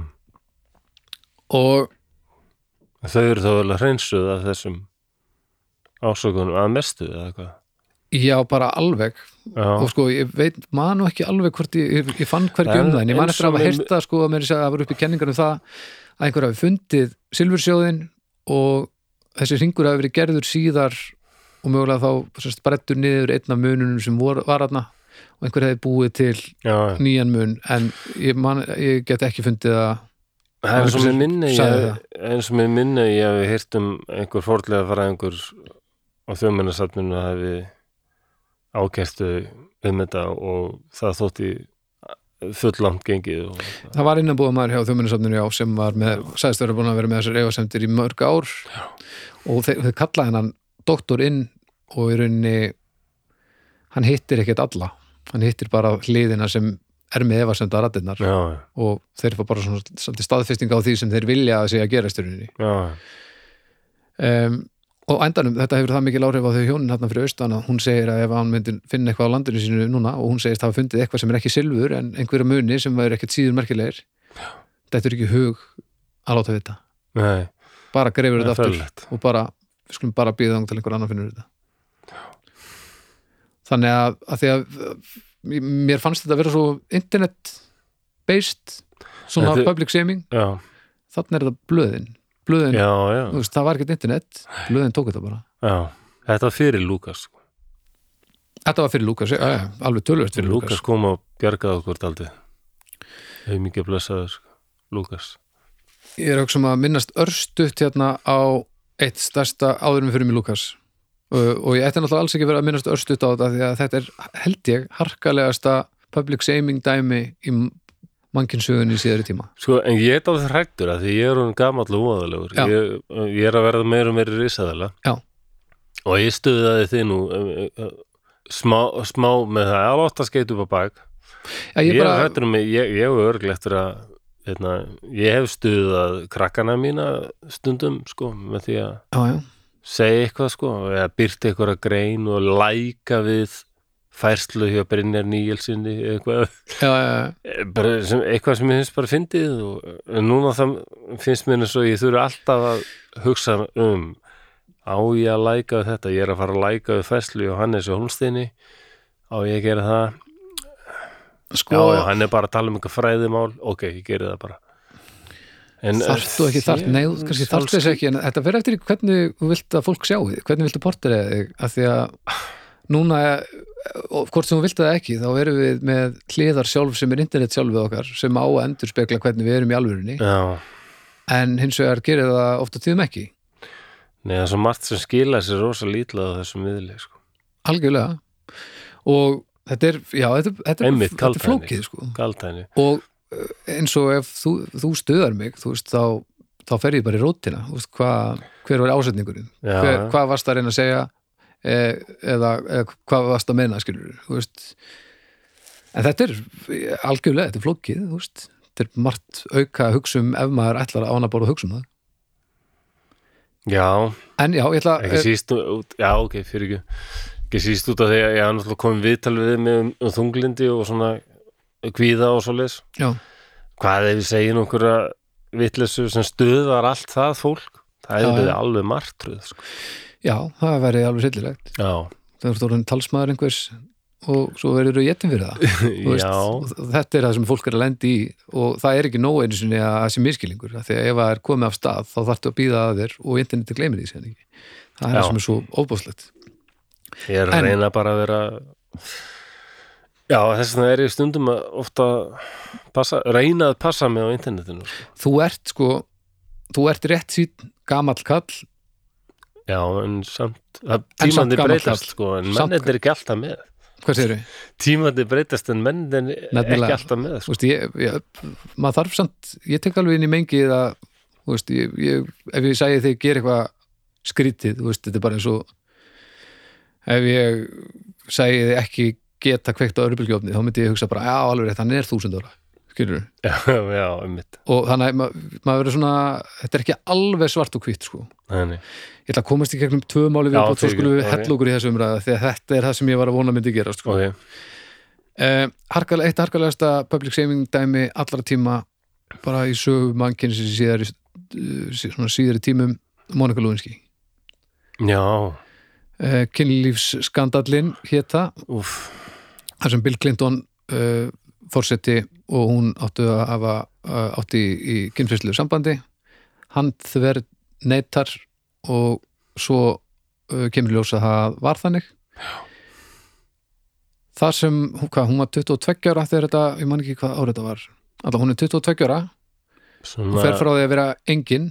96, 7, já, 7, 8 hún fer frá því að vera nobody, hún fer bara frá því að vera hvaða Já. manneski sem er í heiminum í að verða allstaðar allstaðar, allstaðar, allstaðar, alltaf. Hún er fjölmélamatur um alla plánutuna á þessum fórsendum í fjöldamörg ár. Mm vera, já, drusla viðhald, hjónadjöfull Já. og hún neitaði síðan, hún á endanum var hún að skoða hvort hún ætti að skipta um nafn. Svo hugsaði hún bara nei Clinton var hefur aldrei verið beðin um að skipta um nafn einmitt, ég hugsaði það einmitt, að það var svo mikill fókus á hana eins og Málið- hún væri gerandin málið heitir Monica Lewinsky Nexlið Pældi í það heitir eftir henni. Þannig að meira hann segja var, hann var fullorðni það er hann sem gerir það er hann sem gerir það sem er ránt hann er sem sagt að ljúga. frekar, sko. hann er að ljúa, hann er að halda framhjá. Já, og, maður sem er nú daldi svona í þannig stöðu smá opinberri já, stöðu hann lígur að þjóðinni og málið er nefnt eftir henni sem Já. þýðir að, að hennar nafn er beintengt svona sköndulum. Þó að, að málið leysist á einn nátt þá er hennar nafn ber alltaf að góma í þessu samingi stanslust mm og uh, hver var að tala uh, heitir hann ekki John Oliver? Brettin sem er í, í Tonight Show. Já. hann fór að hitti Móniku Lóninski hann var semst uh, að tala um uh, svona public shaming Já. líka fór að hitta hana og hún spurði hvort þetta hefði verið verra ef internetið verið í gangi af því að þarna var internetið ekki heldur. Hún sagði svona að það hefði verið verra að sumuleiti en hún hefði mögulega þá fundið fyrir einhverjum stuðningi af netinu. Já, hún hefði þá séð einhverja stuðningsrættir af því að hún fekk engan stuðning. Það var ekkert backup, ekki neitt sko. hún var bara ein á móti heiminum sem var að drulli yfir hana og druslu séum hana í fjöldamörg ár og þetta poppar ennþá upp. Það tala um hana hverju minnasta degi og hún er glæsileg í dag. Hún er bara að halda hérna, fyrirlestra um þetta og bara alveg gjörsanlega glæsileg. En hvernig hún hefur tjópað sér í gegnum þetta, hæ, ég bara skilða nei, nei, ég manna ég fann alltaf til með henni. Þetta er líka bara, þetta er svo harkalegt af því að hún er fórnalambið ég miklu, já, miklu frekar. Ég menna auðvitað á maður á ekki að taka þátt í fann mjög aldrei helst sko, eða, æ, anskoti nei, nei, þú veist þetta er aðalega bara það en, að en það er auðvitað að se- segja það að vera dómari hérna einhvers staðar fyrir utan eitthvað þú veist, ef við ætlum bara að horfa á en þetta þetta út frá eins og segir lögum 21, 20 ára gömul stelpa og hann svona þrauturendur eldri kall og Hann- fókusin að vera á hann og Hann alltaf forseti. fókus á hann líka já, en bara það hvernig þetta er nefnt sko. þetta Já, er bara svo merkilegt sko. hún, hún tekur svolítið og svo hann að tala um hana eins og eitthvað annað en hún er sko. Veist, hann þetta, þetta bara viðbjóðslega ógeðslega rótið á alla kanta. Mm -hmm. hún er glæsileg í dag ég mæli með því kíkja á fyrirlesturinn hennar og það allt saman.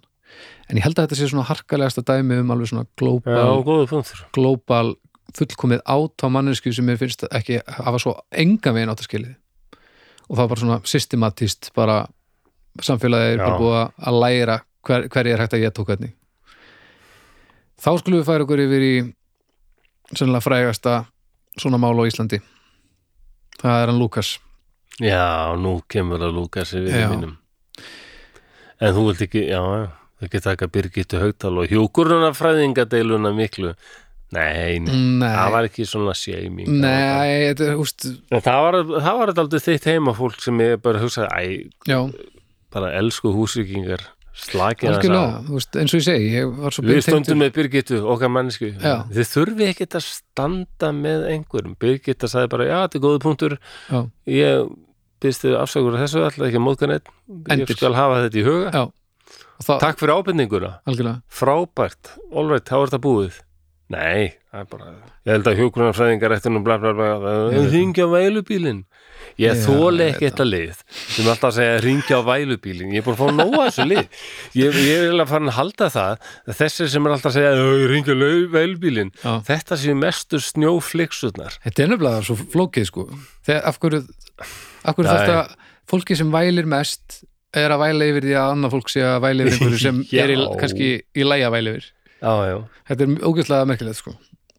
Já, en blessaði Lúkas. Herðu Lukas, það er árið 2007 uh, bíladagar í júni á Akureyri Já, þá hverfu Lukas MBL, 30. júni 2007 hérna er vitnað í, í þá grein málið hófst með því að hundurinn Lukas týndist um hvítasunna þrátt fyrir ítre- ítrekkaða leit og upplýsingar um, um auglýsingar um bæinn fannst hann ekki Á bíladögum 15. til 17. júni fóru þær sögur og kreik að hópur pilta hefði náð hundinum. Þeir hefðu sett Lukas í íþróttatösku og sparkaði í hana þar til hundurinn hætti að vena. Slikt aðtafi fellur undir dýravendunarlög en samkvæmt þeim er óheimilt að hrekja dýr eða meiða eða meiða. Stórfelt brot getur varða tveimur árum í fangilsi. Meðfylgjandi mynd var tekinn á kertavöku og akkurir í fyrrakvöld þar sem hundramanns komu saman til, minn, til minningar um hundin. Það var sérst kertafleiting og tvær kvöldvökur. Eh, Vitnið að myndum nýðingskap gagvart hundinum hefur gefið sér fram og fullir að áðurnendur drengur hafi verið að verki já, hann sem var reyndar ekki áðurnendur hérna í þessu Nei, nei. eh, og atvekin náðust á öryggismyndavél. Talsmaður Eimskip segir hins vegar að engin slíku upptakar sér til á vegum félagsins og engar öryggismyndavélar sé á svæðinu sem umræðir.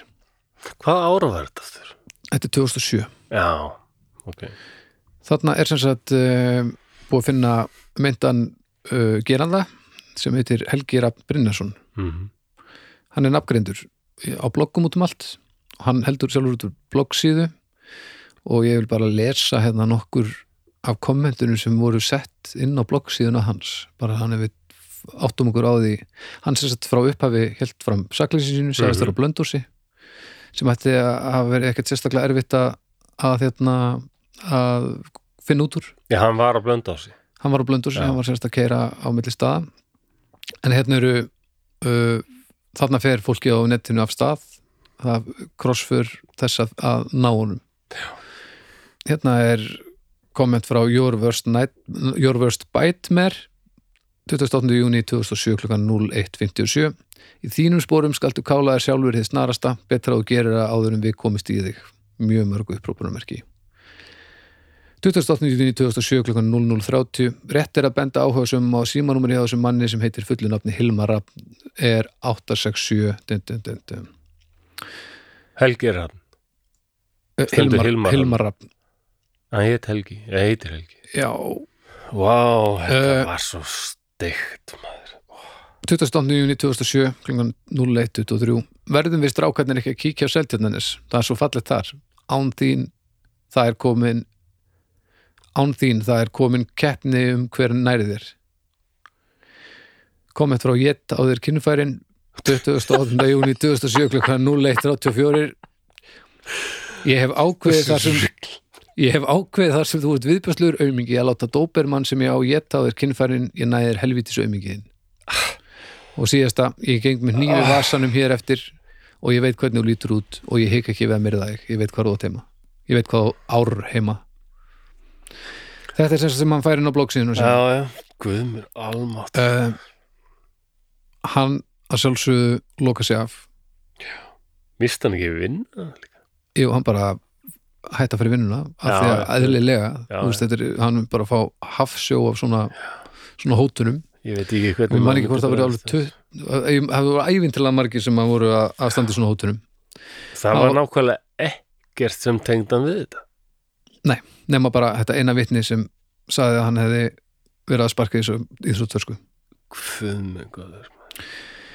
Þriðudagurinn 17. júli 2007 morgunblæði Hundurinn Lukas sem tali var að hefði verið drepinn og grimmilegan hátt er á lífi Lauruglun og Akkurir barst í gær tilkynningum að Lukas hefði sérst fyrir ofan bæinn um, Tölvupóstur gekk manna á milli í júni þess efnis að sérst hefði til ungra manna með Lukas á bíladögum að Akkurir helgina 15. til 17. júni og drepi hann og hróttalegan hátt mikið, mikið var skrifað um þið mynda dráp á spjall og bloggsíðum þar sem meðal annars einn myndra gerenda var nafngreindur. Hún var hótað í kjölfæri meðal annars líflátti. Finnur fyrir létt, létti og reyði. Það er ekki hægt að lýsa með orðum hvernig mér líði núna, segir Helgi Rapp Brynjarsson, en hann var nafngreindur sem myndur gerandi. Hann segir fyrstu viðbröð við fréttin um fund Lukasar verið létti, en jafnframt reyði gagvart fólkinu sem hefur hótað honum. Helgi Rapp hefur verið felum síðastleina vekur. Ég hlakka til næstu helgar að geta farið að skemmta mig niður í bæ, segir Helgi Rapp sem hefur ekki hugmyndum af hverju hann var bendlaður við málið en ætlar sér að koma að staði. Hann hefur ákvæmst í lögfræðingum að fara í meðir á skadabótamál. Svo kemur, fer hann, já, í mál, fer í dómsali með þetta Mm og það endar með því að, hérna til dæmis einn Lukas lifir í dómsölum þurfti endur flytja málið 7. februar 2011 þreymur og hálfu ári síðar sko. Fyrsta dómsuppsaga í meðeramáli sem Helgi Rapp Brynjarsson hefur höfðað næstkomandi, já, veitum við. Alls hefur lögmaður Helga sendt átta aðilum sem lengst gengu í meintum nýskrifum á netinu bref með bóðum að ljúka málinu með sátt og greiðslu 500 króna í skadapættur og einn aðili sættist á þau málalokk en svo bara stóðan bara í í, í stanslösum þetta voru bara fleiri ár að ganga á eftir rétti sínum sem er, og ég vil bara bókfæra það glæsilegt að segja ekki bara eitthvað sko ég, þetta er bara eitthvað búið, heldur bara ganga alla helvitisleið, það er almennilegt. Fólk heyri kannski ég er hlæja hérna, ég bara, ég get eiginlega ekki annað. Þetta er svo súrrealískt. já, þetta er svo farsakent og trillt og og þetta er svo staða síðan fyrir að vera í maður. því ég sá síðan myndin að þessu hundgreiði Já, þá okkur vá maður, það er svona, hvað er, hvers lenskir eru, kymverskir já, er þetta ekki svona sitt með rosa stór eyru og eitthvað svona já, svona, svona ljósan topp eða svona. Jú, hann var svona skömmustulur Það svo er- Hvað er og ég, ég vona það ég held það að fólk man þetta. Og ég held að fólk muni þetta sérstaklega fyrir norðan sko. Af því að þarna, þarna fór einhver sturlun í gang. Já, ég held að allir, allir viti þetta þetta var þetta, þetta var gengið ólant en ég er samt svo ánægð með hann mann að, að því að þetta hefði náttúrulega greinlega geðveik áhrif á hann að ganga eftir þessu. Að hafa farið í málaferðina því að það hefur verið fokk leiðilegt sko, og fokk erfitt. Já, já, en en það er bara, þarna verður bara loka hlutum. Uh, MBL 15. februar 2011 Lukas við góða heilsu verður fimm ár í sumar. Hundun Lukas hvarfi mæbyrjun 2007 en um miðjan júli sást til hans í hlýðunum ofan akkurirar nú, hann var hann var bara vergangi í tvo eitthvað, kall, nei, hund, hundgreið. Uh, Já. Uh, Lukas var þá orðið mjög styggur en það hann þá lengi verið á vergangi og tók nokkra daga að ná honum. Í dag er Lukas við góða heilsu að sögna eiganda, fjallavistinn gekk konum þó nærri og hann var lengi að jafna sig. Honum líður vel og eflust langa og góða æfi fyrir höndum en hann á fimm ára afmæli á þessu ári. Þetta var 15. februar 2011 og svo er hér á vísi 22. februar 2011. Hundurinn Lukas, frægasta gælutir Íslasögunar, drafst á sunnudaginn eftir stuttveikindi. já, Þannig að, þannig að Það var önnur kertafleiting þá, veistu það? það var vika þarna á milli frá því að, að honum var hann ætti eflust langa góða æfi fyrir höndum og svo var hann látin, látin. Það var vist alveg tölugur fjöldi sem var í þessari kvöldvöku og kertafleiting og... 100 manns eða svo, held ég. Hann já, vektist og, og, og drast blessaður. Þetta er já, þetta er þetta svona harkalegasta svona máli Já. allavega, allavega minni tíð og, og hvað interneti var þar held ég hér heima sko. Ég, svo sem gerir mér ekki alveg grein fyrir því hvort maður sé að gleyma einhverjum. Það eru mörg svona mál, svona minni mál en þetta heldtók allt sko. Já, já. Ég í ljósi sögunar þá dettur mér í hug eitt sem er nú líklega bara versta sko okay. í Íslasögun. Það er einfallega bara ástandið og hernarsárunum og viðbröð yfirvalda þar. Ég mæli með hérna heimildamyndinni stúlkurnar frá Kleppjárnsreikjum eða stúlkurnar á Kleppjárnsreikjum. já, Þetta var svo brjálaðislegt sko. ok Kornungar stúlkur sem voru sækaður um að vera að menga einhvern veginn hið flekklösa orðspor íslensku já, Þetta var svo, ef maður skoðar þetta alltaf, þetta er daldið viða mikið, þá er þetta svo ógistlegt og, og framganga Jóhannu Knúðsson því miður bara er, var uh, alveg óðaleg sko og það sést svo í skrifum hennar uh, á sést sko einhvern veginn svo mikil stjettaskipning sko. Já. Þetta voru bara druslur og komið frá ógæfu heimilum og veitna, Já. læri stjettar heimilum og veitna, já, já, það er líka það er mér datt það bara í hug sko. Það, það, það var voðalegt alveg. Já, þetta meiri sér sko margar það er ekki eins og þetta sé horfið því að síðan þegar Bíber kemur inn til landsins og, Og- það eru og- tvær stelpur sem hitta hann já, það eru einmitt jætnar líka. Og ég fæ bara svona hnút í magan þegar ég hugsa um það já, er það já, þetta var svo ógeðslegt Hvernig fórum með stelpurnar hérna sem voru að hittu þessa ensku landsliðsmenn? Voru það líka alveg? uh, ég bara þú er ekki að fara ég alveg er með það ekki svo vissum að það hefði verið mjög gróft hérna á Íslandi. Nei, ég, ég bara er ekki ég eiginlega þú er ekki að tjá mig um það því ég bara hreinlega veit það ekki alveg en ég fæ bara svona núti fucking maður þegar ég hugsa um að vera gjössanlega druslu seima einhverja stelpur fyrir að lifa lífinu. Mm það eru teknar fyrir og sko bara og þetta er bara fjölmjölumatur í einhverja vikur. Ég skilið ekki. Ég skilið ekki. Nei, en Baldur, það er nú ekki það sama að vera gleði kona og gleði maður. þetta er, svo, Ég vildi bara, getur sé svipin á Baldur núna. Hann, hann, hann, þetta er bara nákvæmlega þetta skilur þú veist, þetta er, hún finnst Þetta þetta er- ekki tvindið. Þetta átti að heldur ekki að vera fyndið. Þetta er bara sorglega staðrænd. Gleði Já. maður að gleði kona. Það er ekki að sama. Sko. nei það er, Nei, það er mitt það er ekki tekið eins á þessu hvað kynninum en svo, Allir þessi dægulega textar, hérna, það eru rosalega þessi gömlu dægulega textar stundum, sko, hérna, já, kærust í hverri höfn og Já, já. konan er að tuði mér, þá bara vil ég sigla eitthvað út og hitta Olgi í Rúslandi, já, þetta já, lýsir svo tíðarandanum. algjörlega og þetta flottur kall, ef þetta hefur fúst svissum þessu. Já. ekki, ekki jafn flott kona. Nei, ég hef svo litla þólumæði fyrir þessu. Ég, ég, á, ég, ég voru svo ógeðslega leiður á því að þetta þurfi að vera svona. Já. það þarf ekki að vera svona alltaf en hún er bara búin að tvær litla stelpur. Já, já, ég vil ekki þurfa að díla við svona ég skilja. en svo langum við að tala um það sem við vorum byrjaði að ráðan public shaming eða hvað var ég að segja? Hvað kallaði þetta eftir á íslensku? Opinber smánun. Á hún rétt á þessu rengutíman að þetta getur verið sko þetta getur verið hann hérna bla, blaðamæður sem ég er búin að vitna, stiðast heilmikið við hans dót, hann er búin að vera að spyrja mikið að þessar spurningu sko. Ég er búin að hugsa þetta slata veist, að því að þetta getur verið tól til þess að taka völd frá róttækum aðelum sem eru að reyna að gera öðrum ílt sko.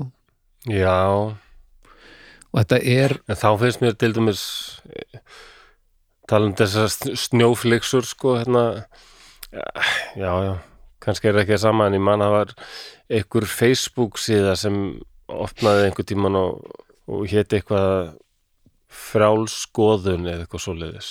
Já. Það er eitthvað fólk sem bara hérna vettfangur okkur sem viljum bara segja hvað okkur finnst án þess að vera eitthvað. Já, og ég fór þess að síðu og þar var eitthvað sem ég var ósámála, mér fannst þetta að vera eitthvað svona frekar rasíst og ég eitthvað með innflytjendur hérna sko. Já, og ég gaggrindi þetta eitthvað og sagði bara eitthvað með íslensk menning er náttúrulega bara mikið til komið frá útlöndum sko, ég meina hvað já.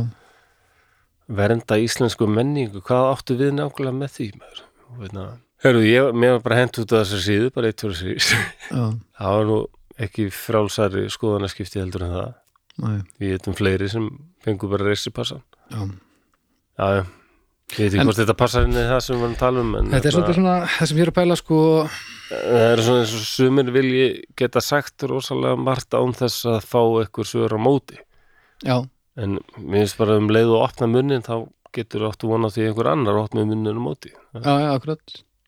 Er, Já, þetta er svolítið svona eins og eins og fyrir nokkur þáttum bara tveimur örgla með Gilva Ægis, þá vorum við að tala um Gilva Ægis vorum við að, að smána hann opinberlega með því að segja að hann væri að hafa sér svo fyrir út af skoðunum sinum á, á samkynniðum Þú veist, erum við voru, vorum við að gera það?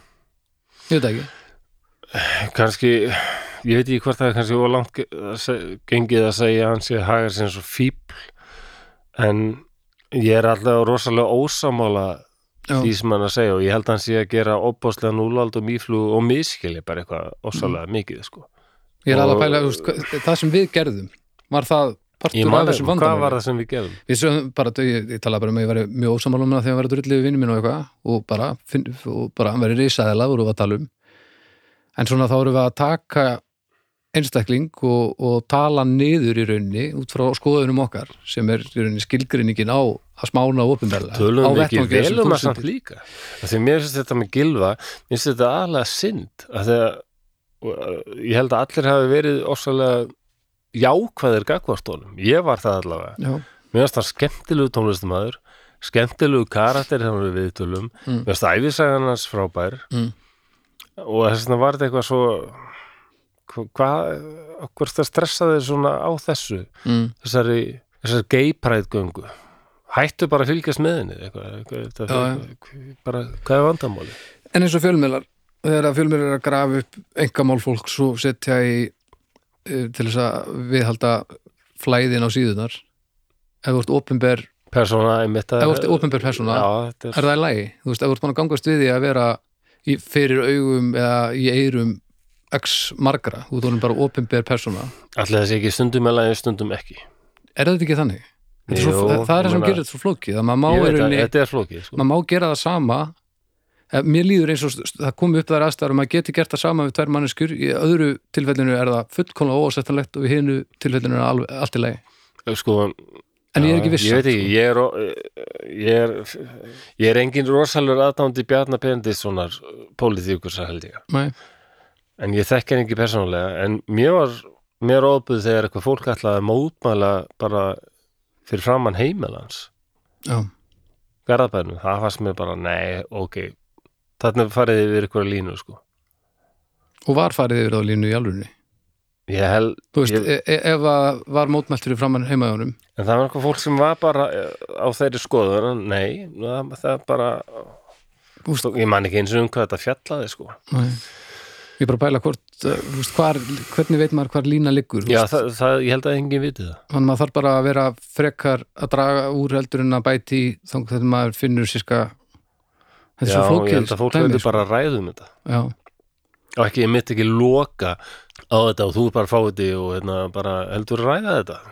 Er Ekki bara, ég kem inn á okkur svona síð og Facebook og segi, mér þetta er bara ekki rétt sem þeir að segja. Það bara henda mér út. mm. Þannig er ekkert eftir um einhverju jábræður hann inni sem bara geta hérna, þusað sína á millu um hvað allt sé voðalegt og algjörlega, magna hvort annan upp. en það er svo erfitt að, að vinda ofan þessu eins og hún sagði Twitter konan að, að þú verður bara að býða þetta af þér að þetta er farið af stað og það, staðrindi skipti ekki máli og sem er það sama og veist, þegar þú, þú er sér búin að beðast afsökunar og reynsa þetta upp þá er enginn að hlusta á það ekki, það er ekki fyrir en að þetta er komið í hótanir að, að fólk samænast um að, að þetta, þetta sé ekki lægi sko.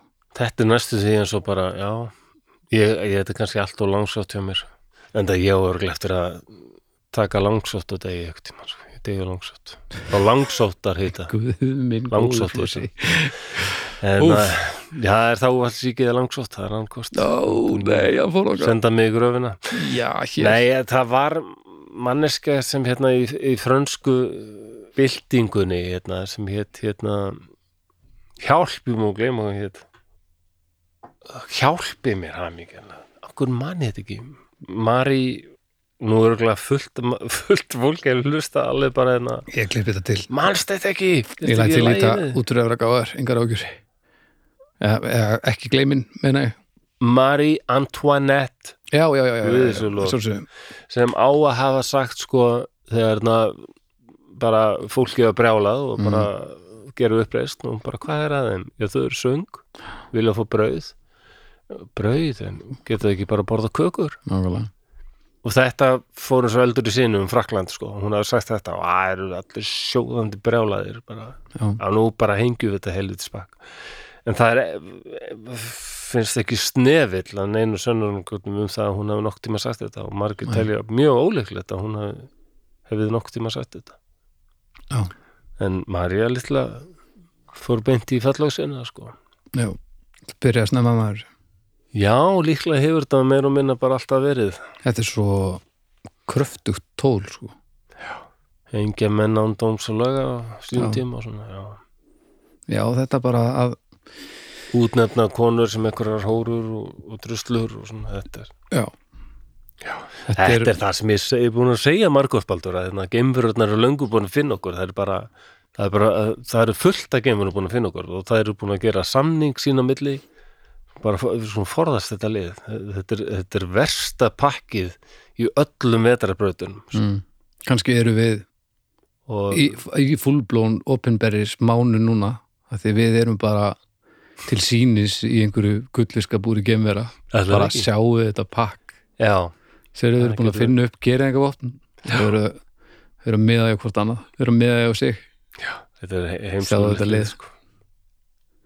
en já, það verður mér finnst þetta ótrúlega þetta er svo stór undarlegt og svo stór hættulegt fyrirbriði sko. þetta, þegar þegar þetta fer á flug það er ekki fólki sem er að fer hvað harðast fram í þessu er ekki endilega slæmt fólk heldur það hrýfst með, það er bara svona múæsingur einhver, jú, jú bara múæsing segi Já. og þetta bara svona gjössanlega tek, bara texta á loft sko. Já, maður þarf að vita meira. Ég man eftir þessu máli með hennar, hvað heit hún? Natalie Zuckerman. Nei, Christy Stecker. Um, já, ég man eftir að lesa þetta bara, ó, skrikur hálfviti. Justin. Sacco Justin Sacco. Justin Sacco Já. And Sacco was sacked. Já, ég, ég- algjörlega og þú veist, ég fæ í alvörinni þegar ég hugsa um Amy Winehouse þegar ég hlusta á plötunur hennar sem að hún er bara eina mínum uppáðsöngurum bara allra tíma, ótrúlega Já, ég þekki ekki þetta mér sem það vísa til. en Það var eitthvað, var hann bara blindfull og gæti ekki. hún var bara í neyslu. Enginn að reyna að vinna á móti. Nei, Sa- það bókuð mjög- að hátíð eftir hátíð eftir hátíð. Er þá koma fram og getur það ekki.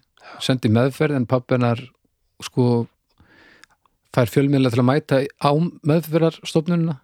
Verið að taka heimildamyndun og hún fekk aldrei frið sko. Oh, og bara aldrei slaki og hún endaði bara með því að útúsa og ég, og ég fæ ennþá ég fæ svona já, þetta er raun núti mann að því mann eftir að hafa opnað eða opnað, nei þetta var, á, þetta var vídeo. Hún var að koma fram á okkur í hátíð og hún gati ekki sungið hún skakklapaðist út og ég man eftir í hló. Já, og ég fæ svona hryllilega tilfinningu í já, það er bara gott. já, Það er, það er bara góður eiginleiki að geta skammað sín. Mér finnst það. maður er ekki að gera það. Já, já, maður á ekki að skammast sín fyrir að skammast sín. En já, þetta þetta var, nú, kannski engan sens. þetta var nú upplíkandi bara, já, ég skammast mín, ég veit ekki. þetta var upplíkandi aukaþáttur minn Þetta svona, var, mér finnst þetta frábært, takk fyrir þetta. Mér getur- þetta alveg, alveg snill, sko, bara það er gott að heyra út góður þessu. það er gott að heyra já, og það verður mjög gaman að fylgjast með umræðu hópnum hvað fólk segir um þetta því að þetta er svo flókið Já, en þetta er nefnilega það. Og þetta, hvað er fyndið? og þarna vil ég byggja ykkur kæru hlustendur að, að hafa í huga að þetta ára gaman. Já, já, Herri, uh, við skulum minnast á, á styrtaræðalan okkar Bríó Borg Brukus þið skulum fara að tekka á Vít Eil sem er nummer 75 og svo skulum þið tekka líka á hérna fróðasleiki sem er nummer 82 þetta eru tveir óafengir bjórar. Annar er Víteil, svona hveiti bjór og hinn er jóla, fyrsti óafengi jólabjórin á Íslandi. Og hann er EPA, fróðasleikir tveir algjörlega glæsilegir. Eh, þannig að takk fyrir okkur Borg og, og takk fyrir okkur Bríó. Og við skulum tekka þessu. Hljóðkirkjan. Vilt þú fara í gegnum hann núna? já, hljóð... Já, ég get alveg gert það. Herfið, ég nú þetta að nýtt Nei, ég menn, eh, Miðvikudagur Ég er ekki, ég, já, ég, ha, ég er ekki að vera leiðilegur. Nei, miðvikudagur Hljóðskirkjan er alveg fullt af stórskemmtilegu efni til dæmis að mánudum þá er Dómstægur mættur, það eru Birna Pétursdóttir og Baldur Ragnarsson og Hugo Viðar Alfredsson sem dæma og eru skemmtilega eins og er, er hún ekki Pétursdóttir? Jú, jú, jú. Já, hún er Pétursdóttir og það. Á þriðutum þá er kokkaflakki erum með Ólafi Erni og mm. meistara framleiðslu meistara á tíu sopum á löguvinn til dæmis með flott Plögg Og á áhuga með kvíða Þetta er mjög gott um, miðgutum er Balla Flawley með hérna Draugar for Tíðar Dagar full tíð Fymtudum þá kemur hérna Snibjörn snakkum með Snibjörn. fólk Ja. og hérna yeah. Á förstudum er svo besti plæðin besta platan. Jöp. og hérna með, og svo er það nei hættu nú alveg. Já, með Vilhelm Anton Jónsson og, og Vignir og hún hérna Erla. Nei, A- Petrína a- Björk. Anna. Sva. Anna Svafa akkurat. Ég þekki hann ekkert. Nei, hún er glæsileg. Já, Hún er það Hún er hún er búin að vera að fara mikið núna í sjósundinu. Hefur þú ekki að prófa það? Nei, Nei, þú það getur gert þér gott sko. Ég kemst. Ah, nei, þú getur drekt þér samt. Viljandi. Og vera sleim degi. Fætutin geta alveg farið í ískalt vatn. Það er svo skrítið. Já, en svo þeir farið að skriða hérna upp að bringspölum. Hmm. þá bara byrja að hristast og skjálfa. Aha. Já, ég held að sjófótabað er ekki alveg svona en, hardcore sko. en það er reyndar talið um bara afar líklegt að svona kuldameðferð sé góð við þunglindi Já, nefnilega, það var að var að pæla sko. og mér, ég fer stundum í kaldapottin í laugunum og svona. Okay. þetta er bara að venjast. Já, ég held nefnilega að þetta sé þetta sé framtíðin sko. Já, alltaf ekki. En þú veist það nú kannski ekki svont, það er kannski ekki bara ábyrgt að segja fullt af þunglinsjúklingum að labba í sjón en þú veist svo er þetta nei, nú oft er nú ekki einn svona að segja það það bara, Nei. nei, nú þóri ég ekki að segja en nú kannski bara gengið fram að fólki já, reyna að vera eitthvað fyndin og kostnað þunglindra annars er það. Já, þetta er, þetta er flókið. já, Herri, þetta var aukaþátturinn í dag þannig að það er innan við vika í næsta þátt. Það er staðrind vona að hafa haft gaman að þessu. Við kveðjum að sinni og heyrumst á miðgudaginn Bye